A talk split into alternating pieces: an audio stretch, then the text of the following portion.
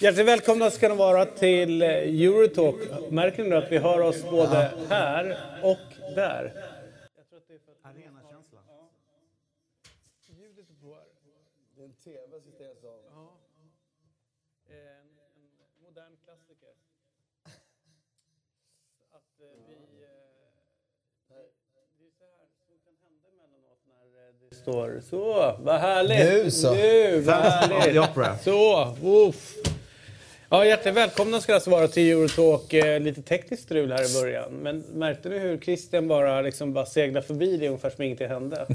Ja, jag höll för öronen ju. Du gjorde det? Ja, det började pipa ju, herregud. Har du känsliga öron? Nej, ja, det vet jag inte om jag har. Oklart, men, men jag tyckte det var oskönt pip helt enkelt. Ja. Christian är här. Adam Nilsson är här, var i Hamburg i helgen. Eh, och Mattias är här, som var i Turin i veckan. Och Martin är här, som åker till Mexiko på tisdag. Ja, Nej, ett mönster. torsdag. Torsdag. Jag åker inte bort. Det var bara skämt. Jag Jaha. ska vara hemma och jobba. Jaha. Ja. All right. Och jag eh, är här. Vad härligt. Ska vi köra igång då ordentligt? Bara eh, hoppa in då. Jag noterar att vi har ju en ny Fifa-ordförande eh, sen ett tag tillbaka. Och jag eh, funderar lite grann på... Hans, han är ju ganska mäktig. Eh, även fast man tror att det är bara en fjant så, så kommer det konstiga saker därifrån som vi får förhålla oss till. Sepp Blatter hade man ju, började man få lite koll på. Förutom att han var korrupt så var han ju en konservativ jävel när det gäller fotbollen. Han ville inte förändra speciellt mycket. Det hedrar jag honom lite grann för.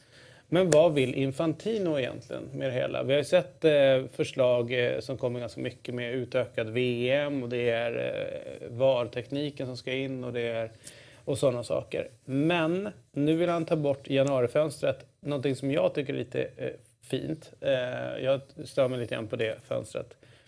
Eh, Men han vill också begränsa lån. Det kommer slå hårt mot Chelsea eh, som har en, en jättestor trupp eh, och utlånade spelare. Jag tror att det är ganska bra också.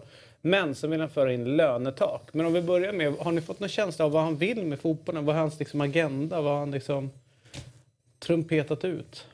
Jag har inte fått någon känsla än. Jag tycker det, det åter... Man kan ju vilja mycket på pappret här nu och nu har han ju skickat fram ett papper som, som någonstans berättar väldigt mycket vad han vill. Och man tar den första delen där eh, och, och inte låter VAR vara första delen utan transferfönstret då, så har vi pratat om det tidigare och det är ju någonting som ligger extremt mycket i riktning för, för storklubbarna. De, de längtar ju efter det här. Det har vi, de har ju varit väldigt tydliga med det. Att de, de vill verkligen se ett slopat eh, januarifönster. Säger de i alla fall. Och, och i det fallet så litar jag på att det är sanningen som... Och vad skulle hända då med Sverige som då har eh, egentligen vårt riktiga fönster när eh, liksom, skulle vi kunna fortsätta handla som vanligt eller? Alltså det är ju... ehm, eh, om vi tar den frågan först. Om det skulle bli så att de stängde januarifönstret för övriga Europa och vi hade öppet bara i januari så skulle det öppna möjligheter för oss såklart eftersom spelare inte kan välja vissa attraktivare ligor och måste flytta i januari och kanske måste ha speltid inför en turnering. Det öppnar möjligheter för oss. Jag tycker inte att det är så vi ska få möjligheter dock. Jag är helt emot det. Och det är ju, för mig, jag håller med Christian, det är svårt att bilda sig en klar uppfattning om vad han vill ännu. Men han är extremt populistisk och han känns som att han springer de stora pengarnas ärenden väldigt tydligt. Jag menar, det är ju såklart att de vill lönetaket. Vilka gynnas av det? Ja, det gynnas gynnar ju ägarna. Eh, Det gynnar inga andra. Det gynnar aldrig supportrar. Det gynnar ägarna. Och det har vi sagt, pratat om tidigare. Att det, jag är strikt emot det. Eh, Jag tycker det är en riktig skitregel. Vi- Och alla, alla supportrar borde genomskåda det populistiska i det och räkna i andra änden och förstå vad det... För det låter väldigt bra. Men det slutar ju med att pengarna går till ägarna och det vill vi absolut inte ska ske. Den mån det inte kan... Alltså, det, kan, det är klart att man tycker att utövarna får för mycket, men det är ändå utövarna klubbarna vi betalar för att se. Vi betalar inte någon för att äga en klubb. Eller jag tycker inte att det är värt det. är ett värde i sig. Så att, och, och I medlemsägda klubbar så blir det då eh, liksom ett aber istället. Och det här med begränsa januarifönstret, ja det gynnar ju storklubbarna. För de har ju råd att köpa in, de har råd att ha stora trupper. Det är klart som fan att det inte gynnar Juventus, missgynnar Juventus lika mycket som det gör med Napoli titelrace. Om de får spelare skadade i Dybala går sönder och, och, och eh, Mertens går sönder. Ja, men vadå, Juventus har råd att ha, ha en backup på alla platser som är topp. Det har inte de mindre klubbarna. Ytterligare ett sätt att liksom för storklubbarna... Som Financial Fair Play. Och nu får supportrar sluta gå på de här lågt hängande frukterna. Bara fan räkna rätt och tänka rätt. Det här är bajs han håller på med. Jag känner ju lite grann med januarifönstret att det blivit för mycket... Alltså att dåliga sportchefer på något sätt kan rädda sig genom att liksom rädda upp truppen i, i i januari. Och det, mm. det stör jag mig lite grann på. Det blir för, det blir för, för stor eh, snurr. Men jag, när du säger det du säger så blir man ju lite grann ja. å ena sidan ja, för jag, är, jag, är det, jag är absolut för att stänga mitt i säsongen fönstret. Men nu när du, med, det, med det du säger nu Martin så får man komma på lite andra tankar också. Men jag tycker ändå att det är, skulle gagna sporten att man i början av säsongen har ett mer långsiktigt tänkande. Alla, det blir bara det här kortsiktiga tänkandet att ah, om någon månad kan vi rusta, rusta mm. om helt och hållet mm. i truppen. Det blir, jag tror ändå på att det kan gagna ett långsiktigare tänkande. Även om då vissa storklubbar kanske gynnas Ja, och det, men det gäller att ha råd att långsiktigt. Ja, det är klart att, att, det finns ju, i, i, ta bort januarifönstret skulle eh, en del unga spelare få lite mer speltid. Men det skulle ske på bekostnad av tävlingsbalansen. Mm. Och, jag skulle, kompromissa inte med det. Jag tycker redan vi är ute för långt åt, åt ett håll där vi redan gagnar storklubbarna. Eh, det Men redan idag mer... kan ju de rusta och köpa på sig mer mm. än vad andra kan göra. Så det, är liksom, det är väl den ekonomiska skillnaden är redan där. Tänker jag. Men en annan grej som jag vet att Infantino har varit igång med det är ju det här med att han gav van Basten upp, uppgift tror jag att se över reglerna. Och så kom de här grejerna ut med ta bort offside och ja. allt sådär. Så då fick jag ju så ont i huvudet mm. så att eh, jag visste inte vad jag skulle ta vägen. Nej. Så att han är ju verkligen, han är ju, han slår ju brett den här han försöker ju hitta någonstans tankar på vägen in. För Fifa har väl haft, eh, under Blatter har väl haft svårt att eh, hitta balans gentemot Uefa i maktförhållandet. Och det är väl klart att om han kan få in Fifa på kartan med ett, ett eh, klubblags-VM som helt plötsligt ska bli allt större och viktigare och så vidare så, så tjänar han på det i slutändan. Så det är väl inte konstigt att han försöker gå de stora ägarnas vilja till mötes mm. för att skaffa Fifa en betydligt mer, liksom en, en, att maktbalansen lite mer stabiliseras gentemot Uefa som ändå har vuxit upp och blivit starkare och starkare med tiden medan Fifas roll har känts allt oklarare när man inte har gagnat kanske de som haft störst makt. Så, alltså, jag tycker inte det är dugg konstigt att han ur sin roll gör det, för han måste ju ändå stärka sin organisation. Sen så är ju många av förslagen är ju totalt jävla värdelösa och känns inte ett dugg eftertänkta. Utan det är ju som sagt, han, han, han får en känsla, låter bra, springer någon, liksom, någon ägares vilja till mötes så försöker han köra på det. Sen om han får igenom det blir, ju väldigt spännande att se. Men, eh, känns ju inte som att han har en vision för vad Nej. han ser att fotbollen ska vara om 5, 10, 15 år. Liksom. När, när den här eh, Fifa-skandalen eh, briserade och, och liksom, det blev med korruption och alltihopa. Det, det alla pratade om efteråt var ju transparens. Att nu ska man få insyn i det hela och, och, och mm. så vidare. Jag är sugen på att man ska få någon som, eh, när de ställer upp och berättar det här vill jag göra de kommande åren, så får, får man rösta. Men där kom, tror ni att man kommer komma att bli så, så ärligt på den nivån när det kommer fortsätta vara slutet och man vet inte riktigt vad... Nej, jag, tror, jag förväntar mig inte någon, någon... Det kommer vara fortsatt lurigt på, på... Eh, och utgångspunkten måste ju vara det som vi egentligen pratar om här. att Han jobbar för att stärka liksom, Fifas och, och emot Uefa liksom, jobbar för, för Uefa och klubbarna jobbar för, för sig och så vidare. Vad finns det för motpol till det här då? Ja, det måste väl vara någon slags fotbollsrörelse i stort. Då. Det är väldigt rimligt kan man ju tycka då att support, supportrar och, och fans borde ju vara ett, en, en motpol här. Men, men eh, det, är ju, det är ju svårt. Jag menar, det är ju det är stora mäktiga intressen med, med mycket pengar. Så att, men det är klart att supportrarna måste vara motpolen. Det, jag hittar ingen annan motpol. Nej. Eh, en, eh, en grej som har blivit eh, väldigt poppis får man ändå säga när, efter att Lennart Johansson införde i Champions League som har blivit jättestort. Och det har blivit så stort så att till och med folk i domarkläder tar sig ner till Turin för att följa sitt engelska favoritlag. Och det är givetvis du Mattias. Det var ju ett 0-2-läge och straff som gick i ribban jag kände där att den här matchen har ändå Juventus. Tottenham ja, är, är inte på världskartan. tror jag alla känner. Sen hände något. Berätta hur resan var, hur stämningen var eh, på arenan och, och så vidare.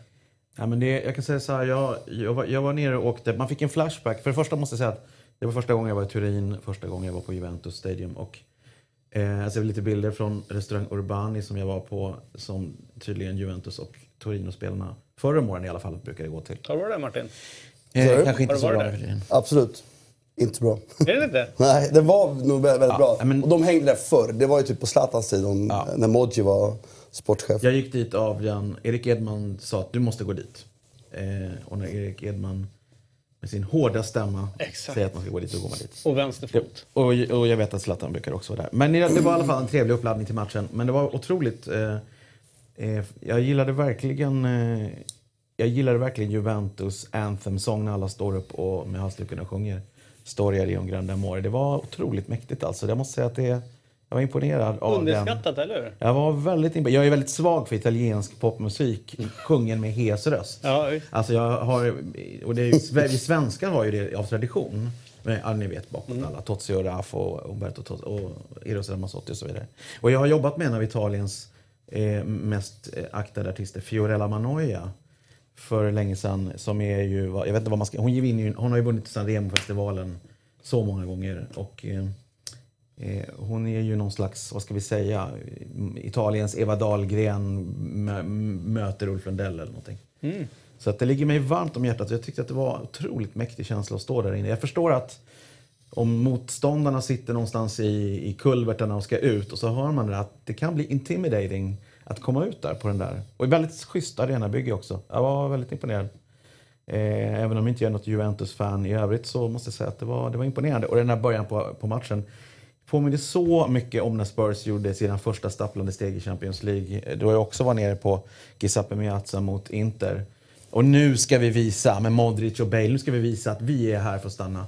Efter, efter fyra minuter eller nio, några minuter så hade Gomes, mål, vår målvakt, eh, fällt en spelare, fått rött kort, blivit utvisad, straff, mål. Efter ytterligare 5-10 minuter, 2-0, 4-0 stod det i baken efter 30 minuter. Det kändes väldigt mycket så igen, att okej, vi är inte riktigt redo för, det här, för den här nivån. Eh, och det kändes väldigt sorgligt att vi, ur ett Spurs-supporterperspektiv i alla fall, tycker jag att det var ju verkligen vi som slarvade in två mål i baken. Det var otroligt dåliga försvarsingripanden. Man hade inte behövt göra det så. Men där kände man, nej, det här kommer inte gå. Men eh, vi spelade ju faktiskt upp oss i matchen tycker jag väldigt bra, nästan direkt efter 2-0. Och tog tag i bollen och hade, tycker jag en stor del av matchen hade vi en, liksom... Det är klart, vi behövde ju bollen, vi skulle ju göra två mål. Men eh, sen, och vi gjorde 2-1 och då kände man ändå, ah, vi är med i matchen, det här kan faktiskt bli någonting av detta. Och då precis då sista minuten, sista sekunden nästan av första halvlek med den där straffsituationen med Serge Aurier. Som var ju, det var ju så klantigt så att jag orkar inte. Han var för övrigt sämst på plan i den här matchen. Eh, då vet Nej, man ju att... Allegri, men- ja, men då vet man Ja, men då vet, ja, okej då. Men eh, då är då. Då, då tänker man ju 3-1 och det är godnattmössa. Och då var man ju då var man inte så glad. Just det, det stod 2-1 då. Ja, hade så fått att in ett. 3-1 och det hade varit Ja, kört. precis. Men den där ribban ut, då kände man att det kanske är en ribba ut då för Juventus. Det intressanta det du säger där, eh, och som eh, Martin tog upp i, i sändningen också, att man är inte förvånad över att Iguain missar en sån där straff. Alltså, han har en... Alltså jag gillar Iguain på ett sätt. Eh, grym och jag tycker han är jätteduktig och sådär. Men för att bli liksom det, liksom det, the shit, alltså verkligen komma upp på liksom den här högsta, högsta, högsta nivån för att bli en som man alltid kan lita på, så missar han lite för ofta när det gäller som mest. Och det, det, Han skulle det gjort fan 3-0 innan han var Ja. fri och Han hade nästan bra mål. Liksom. Jag bara säger det här på restaurangen, vi hade pratat om det innan, så Matt- Mattias hade också bekräftat att det inte var så bra restaurang. Så att ni inte tror att jag bara satt här och sablade ner hans Det var okej, Så men det var Martin ingen... Åslund är snäll egentligen. Det är det. Så att vi hade pratat om Men det berätta om eh, hur... Jag har ju åkt lite grann på de här Europaresorna. Eh, dels med eh, mäktiga AIK. Som, det, är ju en hel själv, det känns som en självklarhet någonstans när AIK åker ut och man är mäktig och sådär. Men även med Chelsea. Eh, och det finns ju någonting med engelsmän som åker ut i Europa. Alltså en, en kaxighet och en eh, liksom så här... eh, Ja, men, inte pompös, men det, du vet när de drar runt så det, de, ta- De märks. Ja, och de vill ju liksom på något sätt annektera en stad som de kommer till. Hur är känslan när ni åker, äh, åker ner sådär? Blir det, mycket, blir det väldigt mycket grabbigt fortfarande sådär? Och Nej, och men jag tycker inte det faktiskt ändå. Det var ju ungefär 2100 supportrar mm. nere. Plus ett antal mm, som var utspridda lite på arenan också då. Men, men, nej, men jag tycker det är ett gäng som alltid, de reser ju på alla matcher. De flesta av de här har åkt på varenda match, inklusive alla träningsläger i Asien, Sydamerika, eh, Sydafrika, USA och så vidare. Så, att, så de jobbar inte? Det är som en släkt. Nej, man undrar ju faktiskt hur de har råd. Men det, det är det här det enda de satsar pengar på förmodligen. Mm. Och vissa kanske har lite extra. Men, men det, en, det, känns som att det är en blandning av folk från alla samhällsklasser som reser på de här resorna. Men det är som en slags gigantisk släktträff. Alla känner det varandra. Det finns liksom ingen de är ganska lugna allihop. Men det är klart, för då grabbigt blir det ju. Det är ju 2100 öldrickande britter. Men, men inte faktiskt så jobbigt som man skulle kunna tänka sig att det skulle kunna bli. faktiskt. I Chelsea så finns det en svans som är lite problematisk att ha med sig. Mm. Eh, som, som ställer till med lite dumma uttalanden och gör dumma saker. Mm. Alla har ju sett den här eh, tunnelbaneincidenten, om det var i, i ja, Italien och sådär. Eh, men eh, har ni sådana liksom, element? Inte längre. Jag tror att det fanns en falang för 15-20 år sedan som var lite, bråkade lite med Chelsea och Millwall och West Ham och sådär. Deras, men inte längre alls vad jag upplever i alla fall. Det var väldigt lugnt. Mm. Vad, vad, vad var bäst med upplevelsen? Hela... Nej, men jag, måste bara, innan, jag måste bara berätta en anekdot. En timme före match eh, avspark utanför Juventus Stadium så står jag och min kompis Fredrik eh, vid ett merchandise-stånd, eller vi går förbi ett merchandise-stånd när två italienska män står och skäller på en gammal kvinna som kör en bil. Hon har kört fel och hon håller på att köra rakt in i det här merchandise-ståndet. Eh, det såg väldigt dråpligt ut, men de var väldigt arga på henne. Och jag gick fram och såg att det var en gammal dam som satt där och jag bara... Jag fick ett infall och jag sa La vecchia signora, kom igen liksom. Och de bara började, de bara brast ut i ett skratt och mm. då tänkte de att, men det är ju sant. Mm. Vad håller vi på med? Det här är ju, det är ju våran La Vecchia Signor. Exakt, den gamla de damen. Ja, jag tyckte att det var fint att jag fick in en... Ja, det var nog den enda gången jag blev förstådd av italienare på hela resan faktiskt, måste jag säga. Jag tycker det är lite härligt för att eh, oftast är bilden någon annan utav de här resande. Jag försökte ju illvilligt måla upp en, en lite stökigare bild, men eh, att, att, eh, att åka på de här... Du brukar åka på eh, rätt mycket sådana här matcher. Eh, jag tror dock inte att ni sitter på samma sektion eh, när ni åker iväg. Utan Martin... Jag sitter inte med Tottenham-supportrarna. Jo då Martin, säg som det du vill. Lite snittare Martin sitter. Eh, och det är inte så mycket snittare Mattias sitter. Det snittas! ja, exakt. Det snittas. Men det är ju någonstans som jag som ändå tycker med när man kollar de här lagen som möts. Att det, det, jag gillar mötena som ändå uppstår. Alltså man bortser från de extrema hållen. Mm. Men möten mellan människor över landsgränser som har en sak gemensamt. Egentligen ingenting annat. Nej. Det kan vara en dåre och en direktör som möts. Ja. Men deras kärlek till fotboll förenar dem. Och man suddar ut landsgränser och så försöker man liksom göra sig förstådd på något konstigt liksom, Jag satt bredvid en italiensk farbror, väldigt stilig. Eh, som deltag, deltog i alla sånger och, och grejer. Och han, var, han, hade suttit, han hade suttit där sedan han var liten. Liksom. Fast på den gamla arenan innan då såklart. Stadio dell'Alpe och sådär. Men det var, jag försökte göra mig förstådd. Det var inte lätt för att han kunde ingen engelska och jag kunde... Jag kan ju lite italienska glosor, man kan ju liksom. Mm. Men eh, det var inte så lätt. Men det var ändå, det är kul och jag tycker det är kul att träffa. Jag tycker det är fint att man möts i de här. Sen kanske det är lite olika, olika. Vissa klubbar har ju kanske en historia ihop som är våldsam, eller inte våldsam men... men man det är fortfarande ha... en väldigt liten del Juventus och Spurs har ingenting. Det är första gången vi någonsin möts mm. i en tävlings match. Så att jag tror inte det fanns någon, mellan våra supportrar fanns det liksom inga det var bara någon slags nyfiket hej hej. Liksom. Mm. Men med andra vissa lag när man möts och lottas mot varandra kan det ju bli eh, lite stökigare.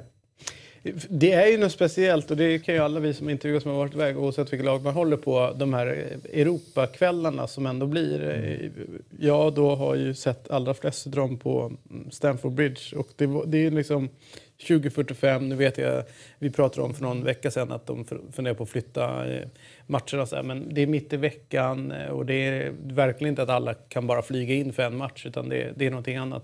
Men det blir en speciell liksom, vibe kring, kring det hela. Upplever ni att det är samma sak i, i Italien när det är de här matcherna eller är det någonting som vi anglofiler på något sätt jobbar upp? Nej, det är samma tycker jag. Alltså, det är klart att, att när Real Madrid spelar hemmamatch i Champions League, åttondelen, så blir det inte lika stort som när Tottenham gör det. Och det har ju bara med tradition och historia av att vinna. Och där Real Madrid inte en åttondel är för dem vardagsmat. Men Tottenham är det något nytt för, eller lite stort för. Samma sak om du åker till Napoli kontra Juventus. Om det är en skillnad, men annars tycker jag att det är samma, alltså vilket land man än är i. Och just det som Mattias säger, det finns alltid folk som man sitter, hamnar alltid nära några som sitter där, deras stamplatser liksom. Mm. Eh, som alltid går där. Det är, en, det är en bra blandning av människor ofta, verkligen. Det, och jag tycker det, här, det finns alltid stökiga svansar i alla lag. Och det har ingenting med lagtillhörigheten att göra. Det har ju med män. Som är, sätter samman män i grupp så blir det mm, ja, det blir stökigt. Liksom. Det. En, och det, men vi pratar fortfarande om en liten del. Liksom. Så att det, jag vänder mig lite mot den här anglofiler som stökar mer än andra. De stökar på ett annat sätt. De syns och hörs lite mer. Men jag tror inte de sammanfattare stökar inte de mer än vad italienare gör när de reser. Det tror jag inte. Ja, nej, nej absolut inte. De har ett annat sätt. När Spurs var i Rom för att möta Lazio för några år sedan, då blev ju en pub där det, att, där det satt några hundra Spurs-fans attackerade av eh, maskerade huliganer på vespor och motorcyklar. Och det var ju eh, någon som nästan strök med knivar. Det var knivar och det var alla möjliga. Alltså de totalt massakrerade. Och det var, visade sig sen att det var Romas Ultras. Fast vi skulle möta Lazio. Alla mm. trodde att det var Lazio, så det blev en otroligt uppiskad stämning till dagen efter. För det var dagen innan mm. matchen. Men det kom ju, de var väldigt snabba på liksom att hitta, identifiera. Det här var inte, utan det var Romas. Eh, som av någon konstig anledning skulle Det som är stökigt är när engelsmän hamnar i Turkiet. Eh, där blir det ju alltid... Eh, alltså det blir ju stökigt per definition. Att, ja. att britter har ju en historia av... Så, så, som, som såklart... Och sen så, erövrare ja, som i och för sig då sticker lite. Det kan och sen så det rätt många som vill känna, liksom, i och med att britterna en gång hävdade att det var de som med huliganismen och alltihopa, så är det många liksom, som vill visa nu att de, typ ryssarna, vi vill gärna spöa på dem ganska kraftigt. Jag skulle säga att öststatsländerna är nog värre att se. Där, där finns det en större utbredning av huliganism, mm. det skulle jag vilja påstå. Men, men, men det stora, nästan alla gånger jag varit ute har man inte sett någonting. Alltså det har varit eh, hur lugnt som helst. Det är inga, det är Nej, du rör ju de fina kretsarna. Nej, så jag försöker ha mina dobbar i gräs. Men jag tror att just i England, jag kan inte jag, alltså när man åker runt, just i Englands fall så har ju, det där går ju långt tillbaka till början, mitten på 90-talet och har ju, de har ju jobbat så aktivt hårt i England för att få bort liksom de värsta rötäggen, mm. få bort huliganismen, få bort, det är ju familj, det är ju, det är ju en och det tycker jag, det är ju en skön familjestund att gå på fotboll oavsett vilken tid på dygnet, och, året och dag i veckan i, i England. Lite har de tappat stämningen sådär. Men en del tycker ju då, ja då har man tappat en del av det som var den här. Det, tycker, det kanske en del tycker, men jag, jag tycker att fördelen är att jag kan ta med mig min gudson liksom, som är tio år på en fotbollsmatch och veta att det händer någonting. Det kommer hur lugnt som helst. Och det ska jag ärligt säga, jag skulle inte våga ta med ett barn på en Stockholms derbymatch. Oh, det är lugnt. Ja, men okej, okay, man kanske har blivit skrämd av media och sådär, men man känner ändå det där, då är det lite för... Är det verkligen helt säkert? Jag har gått med ja. mina barn på derby ja. i Stockholm. Det är lugnt. Det är tvärlugnt. Det är lugnt. Det är otroligt mycket lugnare än vad det var för ja. 20 år sedan. Ja, det Början på 90-talet, då var det stökigt. Då, ja, men då har det blivit bättre i Sverige också. Mm. Eh, Apropå organism, kommer ni ihåg de filmerna? Det bara slog mig nu. När nyhetsreportagen som SVT hade under EM 92. Där snackar vi huliganism mm. öppet på gatorna. Liksom. Mm. Engelsmän, tyskar och... Jag satt ju... Så det är lugnare än någonsin? Jag, jag satt ju på ett ställe i, eh, eller på, där jag hade min säsongsplåt på, på Stamford Bridge. Jag vet inte, jag har säkert berättat tusen gånger. Men, eh, och då var det några killar som var lite mer... De var lite tuffare än vad jag är. Och, och lite mer, större muskler och lite fler tatueringar. Jag har ingen så det är lätt att ha fler. Men så satt jag och kollade på någon BBC-reportage, undercover, någon som hade infiltrerat eh, liksom den, den mest hårdföra kärnan av killar i Chelsea. Och jag bara, men vänta, det där är ju det är mina grannar som jag sitter med. Man fick en helt annan respekt för dem sen, vet, när de du vet, så här, ställde upp. Man bara, ja visst jag ska stå nu och du vet, applådera. Tidigare var man så här, ja ja men whatever. Nu blev man ju lite mer liksom passiv. Eh, men de var ju, det var så jävla konstigt, utmålas som de farligaste liksom, så, å ena sidan. Men, men på arenan så var de ju bara vanliga grannar liksom. Alltså, satt ju under fyra år bredvid varandra. Märkligt det där. Apropå matcher som man, eh, jag brukar säga att åttondelsfinalen är ju jävligt spännande eh, i Champions League och det är lite grann eh, det som Martin berörde där att för vissa klubbar så är det ju jättestort att bara ta sig till Eh, vidare till the knockout stage. Och för vissa klubbar så är det eh, genant att bli utslagna i the knockout stage. Och två av de klubbarna som inte får bli utslagna vid det här eh, tillfället, det här i Champions League, möttes ju i Madrid. Och det är Real och eh, Paris Saint-Germain. Jag tyckte att eh, det, var precis, alltså det var en match som jag precis ville ha på något sätt. Alltså det, den hade allt i, eh, i spänning och underhållningsvärde. Och, rubbet. Och eh, Real Madrid som du har flaggat lite grann för eh, under säsongen. Jag tror du också kan ha gjort det Martin. Ja, mer Christian. Christian gjort det att Ja visst, det har hackat, det har sett illa ut och de har spelat dåligt. Men vi måste göra utvärderingen fram till vårkanten och se vad, vad Zidane får ut av det här. Och mm. Jag, eh, vi pratade lite grann i, eh, i weekend om att det var ju en offensiv coachning utav honom. Eh, där han, eh, du säger att han gamblar lite grann, men han gick ju före och får betalt. Jag såg även nu i helgen, han var rätt roligt, han kastade in Benzema, även fast det var en helt annan typ av match och alltihopa, han gör mål. Alltså, jag hävdar att han har ju någonting i matchcoachningen Sen så kanske han gör fel från början som du var inne på. Men han har ju någonting när han ser flödet som måste vara någon unik talang. Han brukar oftast få liksom någon, någon form av effekt. Har inte varit, jag håller med om att han har gjort... Alltså tittar man... Det finns många gånger, det har vi pratat om här, att man har suttit och sagt att han gör helt fel byten och det har fallit väl ut. Men i år tycker jag att han har gjort, många, gjort de här bytena och man har sagt att det här är fel och det har blivit fel. Så att det, någonstans tycker jag att glorian lite hamnar på snett. Han är modig, det ska han ha faktiskt. Eh, och jag tror bara... Jag, alltså den här matchen, jag har satt, satt om delar av den av eh, skäl som jag kan åter... Eller vi ska jobba med de här matcherna vidare ju. Eh, och då kan jag ändå säga det är ändå en match där Real Madrid får väldigt bra utfall. Liksom. Jag tycker inte att de är ett lag som ska vinna den här matchen med 3-1 om jag ska vara ärlig. Liksom. Nej, och då är det ju rätt många tränare som säger då safear vi det vi har. Sett hur ja. det ser ut. Okej, vi försöker eh, ha kvar Casemiro och sätta in kanske någon till för att stänga, till, ja, liksom, för, för stänga vinna, matchen. Inte för att stänga, men för att vinna boll med för PSG. Eller hålla resultatet. Döda deras liksom, och ta fram. det här med narrativet som är så populärt så för tiden.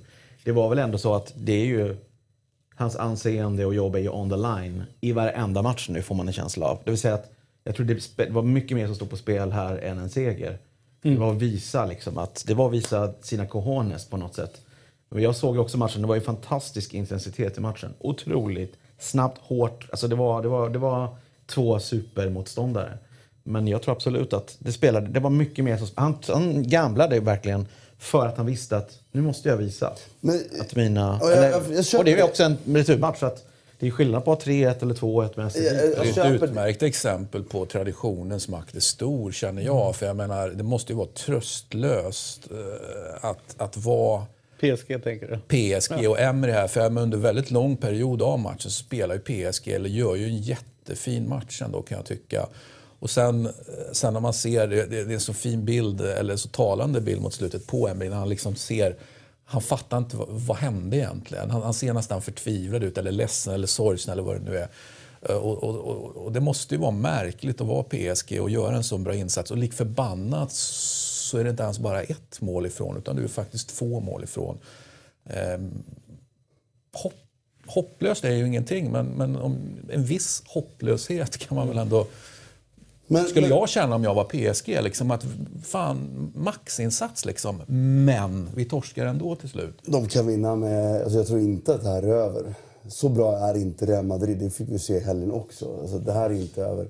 Men vad jag menar, bytena, även om man vill vinna matchen, hade jag tagit en bollvinnare till. För Real Madrid hade inte bollen. De fick inte ta bollen under den perioden. Att ta ut den enda spelaren som vinner boll då. Alltså, och målet kom ju som en slumpchans, i ett knä. Jag, jag vill fortfarande hävda, jag tycker fortfarande han gjorde fel. Han hade flyt som det blev rätt. Det är min bild av det. Eh, och jag tycker fortfarande att, att det liksom inte, jag är inte övertygad om att det här är över. Real Madrid är är inte vad de var. Och framförallt inte om man envisas med att coacha och spela de här spelarna. Han måste ju börja använda Asensio snart. Asensio är typ mm. deras bästa spelare. Liksom. Mm. Spela en 4-3-2-1. Han spelar med Kroos, Modric borta. Jag, tyckte liksom, jag tror att de kommer få det tufft då. Men, Men att, de jag... har en otrolig höjd, det måste man ju säga. De är underbara att se på Real Madrid. Det är ju en, alltså efter att ha sett Juventus Tottenham som var en bra match, tycker jag verkligen. Det var riktigt bra åttondelsfinal. Mm, också bra. Så såg man den här dagen efter så bara det här är ändå en nivå till Mm. liksom, i, i matcher. Men det, det, det är två saker jag satt och funderade på. Nu har jag inte sett om den och du har säkert eh, ritat och tagit ut sekvenser och sådär. Men eh, det som slog mig lite grann det var ju att det som tidigare kanske hackade lite grann i Real fick de alltid att kugga i på grund av Ronaldos extrema briljans. Och, och nu ser man inte riktigt... Visst, han gör målen. Det är ju briljant i sig. Men tidigare så var det ju att han var lite rappare i min känsla. Så att han kunde egentligen från ingenting skapa någonting. Nu kan han inte på samma sätt skapa någonting från ingenting. Det var det ena jag satt och funderade på. Det andra var ju Asensio. Att just att få in honom gjorde ju, tycker jag, någonstans att, att de fick någon form av X-faktor på planen som de inte hade haft innan.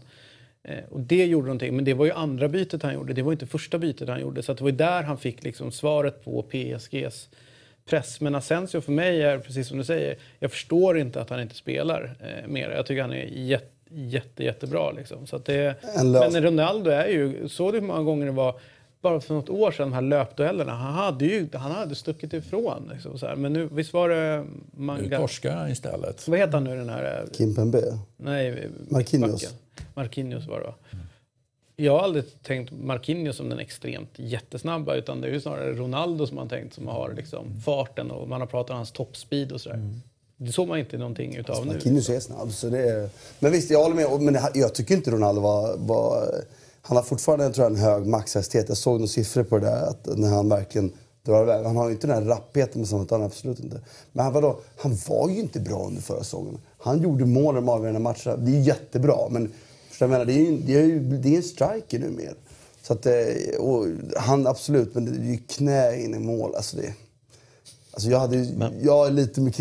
Emery, Man undrar också ändå lite, var var Neymar någonstans i matchen? I, i, jag tycker i början, bra. i början av matchen. Men när det började dra ihop sig, när man som mest tyckte jag de hade lite chanser, omställningar eller göra någonting.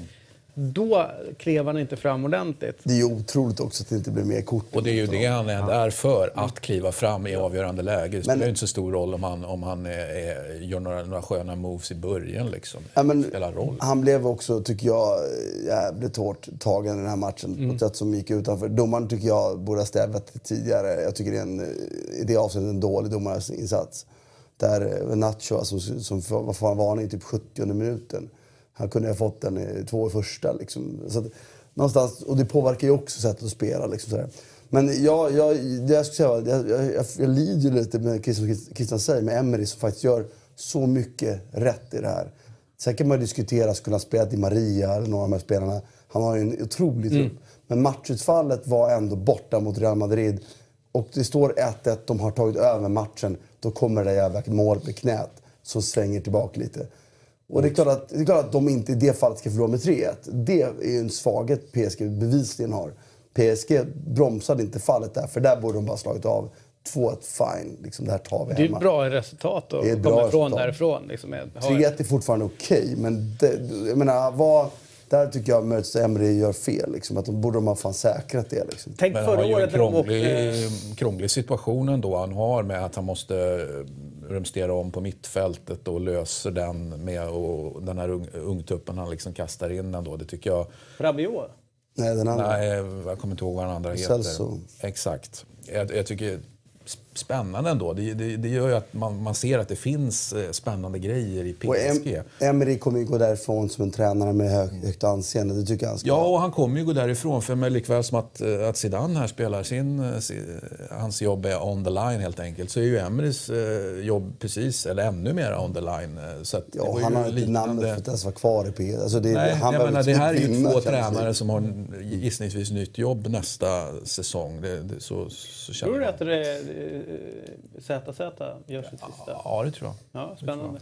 Du, eh, det, det man kan då, när man kollar igenom då, vi såg ju vilka lag som är i, i åttondelsfinal. Det är eh, en hel del eh, brittiska lag, det är Tottenham, United, Liverpool och Chelsea. De fick ju alla fyra som gick in i turneringen. För något år sedan så var vi ju väldigt oroliga för eh, fem till och med. United också, lätt att glömma. Eh, eh, för några år sedan var man ju väldigt orolig för eh, den engelska fotbollen, var den står sig och, och sådär. Men Mattias, Nu går de ju väldigt starkt, de, de brittiska lagen. Och det, mm. det, det, är liksom, det svängt ganska fort. Där. Mm. Eh, de, nu ska jag, vi inte säga att de är liksom här uppe. Med, nej, de har lite bevis. Men, och det är en vår kvar, ja. Champions League-vår kvar. Men det ser ju onekligen väldigt bra ut och jag tycker att all, alla de här brittiska lagen som är i turneringen nu känns väldigt stabila. De känns som de har potential att gå långt allihop faktiskt, måste jag säga. Det, är inte, det har man nästan aldrig sagt någon tidigare säsong. Och just nu så, jag menar Liverpool och Manchester City är i praktiken klara för kvartsfinal. Tottenham har ett bra slagläge med 2-2 borta. Eh, eh, och eh, United kommer ju klara av Sevilla, det tror jag absolut. Eh, Chelsea har en tuff matbit med Barcelona. Men de har gjort det förut mot Barcelona så att mm. Ja, det, det, det kan bli många engelska lag i, ehm, i kvartsfinalen. Det, när Chelsea en gång i tiden gick förbi Barcelona så var det ju ett jävligt bra lag som mm. Chelsea kunde mönstra med, eh, Drogba och, och eh, Lampard som sticker ut lite grann just där. Men eh, det är ju oerhört, oerhört spännande match framåt. Mm. Men varför går det då så lite bättre då för de engelska lagen tror ni? Därför att vi pratade om det redan inför tidigt i höstas. Där. De har äntligen fått resultat. De har gjort rätt beslut som tog in... De har tagit in de bästa tränarna. De har köpt in de bästa tränarna under... Nu, tidigare la de pengar bara på spelare, men för två eller tre år sedan så gjorde ett skifte med många tränare som togs in. Mm. Och det är det vi ser. Liksom. De har investerat eh, mer än vad de andra ligorna gjort tillsammans. Nu ser vi utfallet. Däremot, jag var inte säker på inför säsongen att det skulle gå så fort eftersom det gick så dåligt förra året. Man trodde kanske det skulle ta någon sån tid. Men rätt tidigt vill jag säga att jag flaggade för att det ser... Då såg jag så pass mycket att, att det ser jävligt bra ut. Sen att det skulle fortsätta så här bra har ju lite med lottningen att göra också. De har ju haft, fått rätt tacksamma lottningar vilket gör att jag tror vi har fyra engelska lag i kvartsfinalen. Och det, det, det är inte riktigt... Det är lite missvisande men det är ändå ett tydligt tecken på att, att Premier League är på väg tillbaka till att bli absolut toppen. De var på väg ner någonstans 3-4 i Europa. Nu har de klivit upp och nu kan de ju över tid börja hota Spanien. Och det är ett tydligt tecken på att tysk fotboll inte mår bra. Tysk fotboll har jättestora problem. Det är väl eh, någonting som vi också senaste världen så pratade vi om det. Att vi ser, eh, de kan inte hålla fast vid sina bästa spelare. Vi ser att eh, tränarna har tappat kvalitet. Alltså att den klara tvåan i Tyskland har en tränare som heter Peter Stöger säger rätt mycket om att man har liksom bytt ut Tuchel mot en, en defensiv österrikare som inte passar med spelmaterial. Alltså det, det, säger väldigt mycket. Det är symptomatiskt för tysk fotboll just nu att vi är på väg ner. Man har försökt att eh, hålla saker igång, ta in egna talanger. Nu börjar man inse att de här talangerna har utbildats typiskt tyst inom en viss ram. Men när det kommer till det offensiva spelet, att kunna utmana en mot en så ser man att det håller inte. Och man har inte ekonomin, alltså man har pengar men man, ska man slåss mot de engelska klubbarna så har man inte en chans att kunna värva, eller de bästa i Spanien. Det, och tyvärr så är ju Tyskland inte en särskilt lockande liga för de bästa spelarna att komma till. Alltså det är Bayern München som, som kan locka mm. riktigt bra namn och som har historiken om att göra det. Och sen så var ju förra säsongen också ett bottennapp för klassiska eh, tyska klubbar som spelar mycket Europa. Vi pratar om att Real Madrid har känsla, alltså det, det sitter lite i väggarna jämfört med PSG.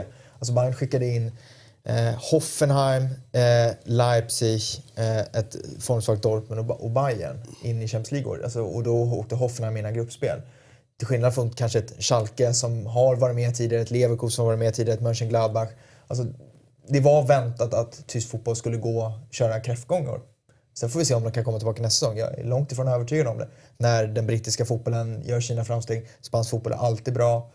PSG stärker, italienarna är på gång. Alltså det, tysk fotboll har på tuffa år framför sig nu. Men det är lite, lite som då, eh, samma som Italien också har problem med, är ju att man behöver vissa klubbar eh, som, är, som lyckas sportsligt. Jag menar, Italien haltar ju till viss del för att Inter och Milan, som är klubbarna med resurser, de får inte till det.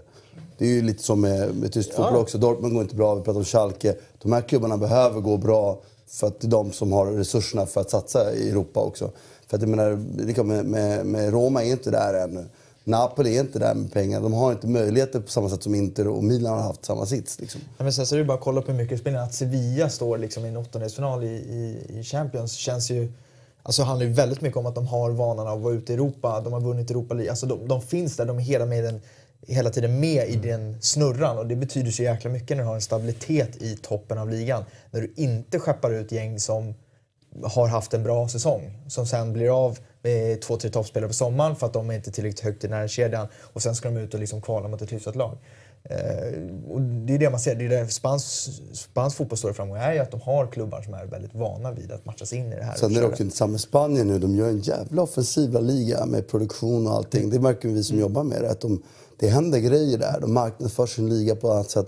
Tyskland omsätter ju fortfarande mer än vad Spanien gör alltså i tv-rättighetsavtalen. Men det bärgas av att Tyskland är på den starkaste inhemska marknaden i Europa. Mm. Men Spanien gör ju faktiskt en förflyttning nu. Jag jag håller inte för... Alltså, givet att en stor del av världen faktiskt är spansktalande så Spanien kan ju på allvar utnyttja, utmana Premier League om tv-rättspengarna Det tror jag faktiskt. Jag är kanske är naiv där. Men... Sydamerikanska marknaden är liksom Exakt, den är extremt mål. stor. Och de gör stora förflyttningar mot Asien. Och, och sen... Den typ av fotboll de spelar är den... Alltså, folk vill ju se klippen på de typerna av ja, spelare. Ja. Och det har ju Spanien en fördel kontra mot Premier League. Men kolla Nordamerika också, hur mycket spansktalande det finns där. Alltså marknaden är ju, så... potentiell, alltså, är ju enorm jämfört med tyska. Där du har, du har ju Schweiz och Österrike, sen så är det ju stendött liksom. Ja. Och...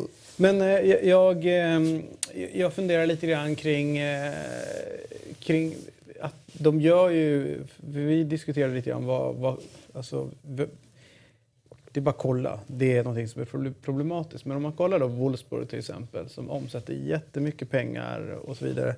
Eh, och vi pratar ju om att i England så har de ändå lärt sig någonting. De jobbar rätt med kapitalet som kommer in till viss del och sådär. Men någonting gör ju också, det måste vara något, inte bara att de tränar fel, det måste vara något systemfel som gör att, att de tyska lagen inte blir bättre. Alltså det finns någon inkompetens någonstans i, i klubbarna också. Och jag pekar gärna på Roma sådär som Ja, men de kollar runt. Okej, okay, vi måste satsa lite grann. Vi, vi tar in Monchi. Det är en het och bra sportchef. Varför är de så rädda för att plocka in, min bild är det i alla fall, att plocka in den typen av kompetenser som ändå Italien ändå vågar göra, England gör det och vi, vi ser att i Frankrike gör man det också. Alltså man är ju pro protektionistiska i Tyskland. Varför? Jag, jag tror att det sitter liksom någonstans i naturen att man vill gärna fostra sina egna.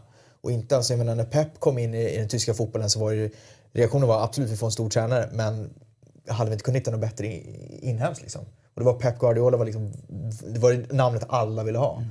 Och ändå fanns det kritik mot att man skulle ta in honom som tränare i Bayern München. Som ändå var den tyska klubben som hade de anorna. Det är klart de ska ha en tysk tränare. Liksom. Och så var det i England förr också. Det var ju mm. Englands fall alltid förr. Mm. Och, och sen sportchefsyrket, det pratade vi om senast när här, att det, det, det, har ju aldrig varit riktigt värdesatt i Tyskland. Det finns ju ingen tydlig skola för hur en sportchef ska agera. Och det, finns inte, och jag menar, det är ju långsiktigheten i klubben. De, de, som har det är ju Leipzig, de har Rangnick som är kanonbra. Eh, men annars är det ju väldigt få klubbar som har en sportchef som, som man ser att okay, det här är, en, det här är en, liksom en som har en vision, som ser, kan fotboll och framförallt också kan, liksom, har kontaktnätverket att gå utomlands att kunna plocka in och se. Det är väldigt mycket att man går och kollar liksom internt, man eh, försöker fostra spelare. Men alltså just det där med kontaktnätverk är ju tyskarna bedrövliga på. Att ha den liksom, komma ut, hitta talanger. Alltså förut så, Bayer Leverkusen var stora i början på 2000-talet för att man var så jäkla snabba på den brasilianska marknaden jämfört med andra. Man fick Lucio, eh, Ceroberto, Emerson. Alltså det var ju väldigt många spelare som kom den vägen. Idag så har man ju ingen väg in för spelare som inte liksom kommer inom eh, för det var det man satsade på. Så där behöver ju tyskarna verkligen se över, revidera och se vad, vad ska vi göra, vad kan vi ta efter från andra marknader. Och alltså, att värva in sportchefer, det tycker jag absolut de skulle göra. Sen så är det ju bara att inse att tränarna som kommer i den tyska skolan just nu håller ju inte måttet. Hur går det för Nagelsmann? Har han tappat allt? Det går ju ändå rätt bra. Alltså, Hoffenheim har ju tappat jättemycket men de ligger ju ändå där uppe och slåss om Europa League-plats. Jag tycker inte det har liksom varit den kräftgången. Men jag tycker det är väldigt tydligt att Dortmund gör sig av med Tuchel för att han är lite obekväm. Som ändå har varit fantastiskt duktig och är en av de, om man nu ser till tyska tränare, som är riktigt bra. Uh, och att ingen, ingen riktigt gör sig besväret att höra av sig till honom förutom ett Stuttgart som vill undvika nedflyttning. Alltså, det är ju lite överraskande den här utvecklingen. För jag trodde ju ändå att Finance Fair Play skulle gynna tyska sättet att leda klubbar. Dels har de ju alltid varit bättre på att ha svarta siffror och, och förhålla sig till eh, skuldsättning. På ett, alltså, de använder inte lika mycket hävstång som till exempel Italien. Och Italien vi pratade om tidigare Italiens ägarmodell blir ju direkt drabbat av, väldigt mm. hårt drabbad av Fair Play. Eh, så jag trodde att Tyskland skulle göra det här. Eh, men jag är inne också på det som Adam säger. Jag kan ju inte liksom fine-tuna som du kan, för jag ser inte så. Men det är ju lätt, lätt, lätt att konstatera att tränarskolan har varit för dålig. Den har varit överskattad.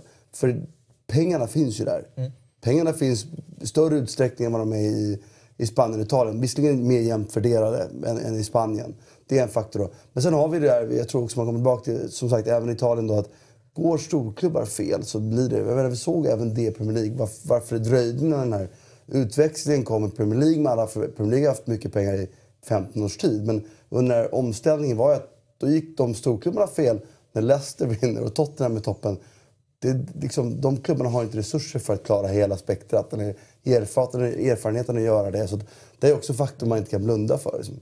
Sen är det intressant med den här tyska talangskolan som är väldigt omtalad. Den är fortfarande bra ju. De klarar sig bra, ungdomslandslagen.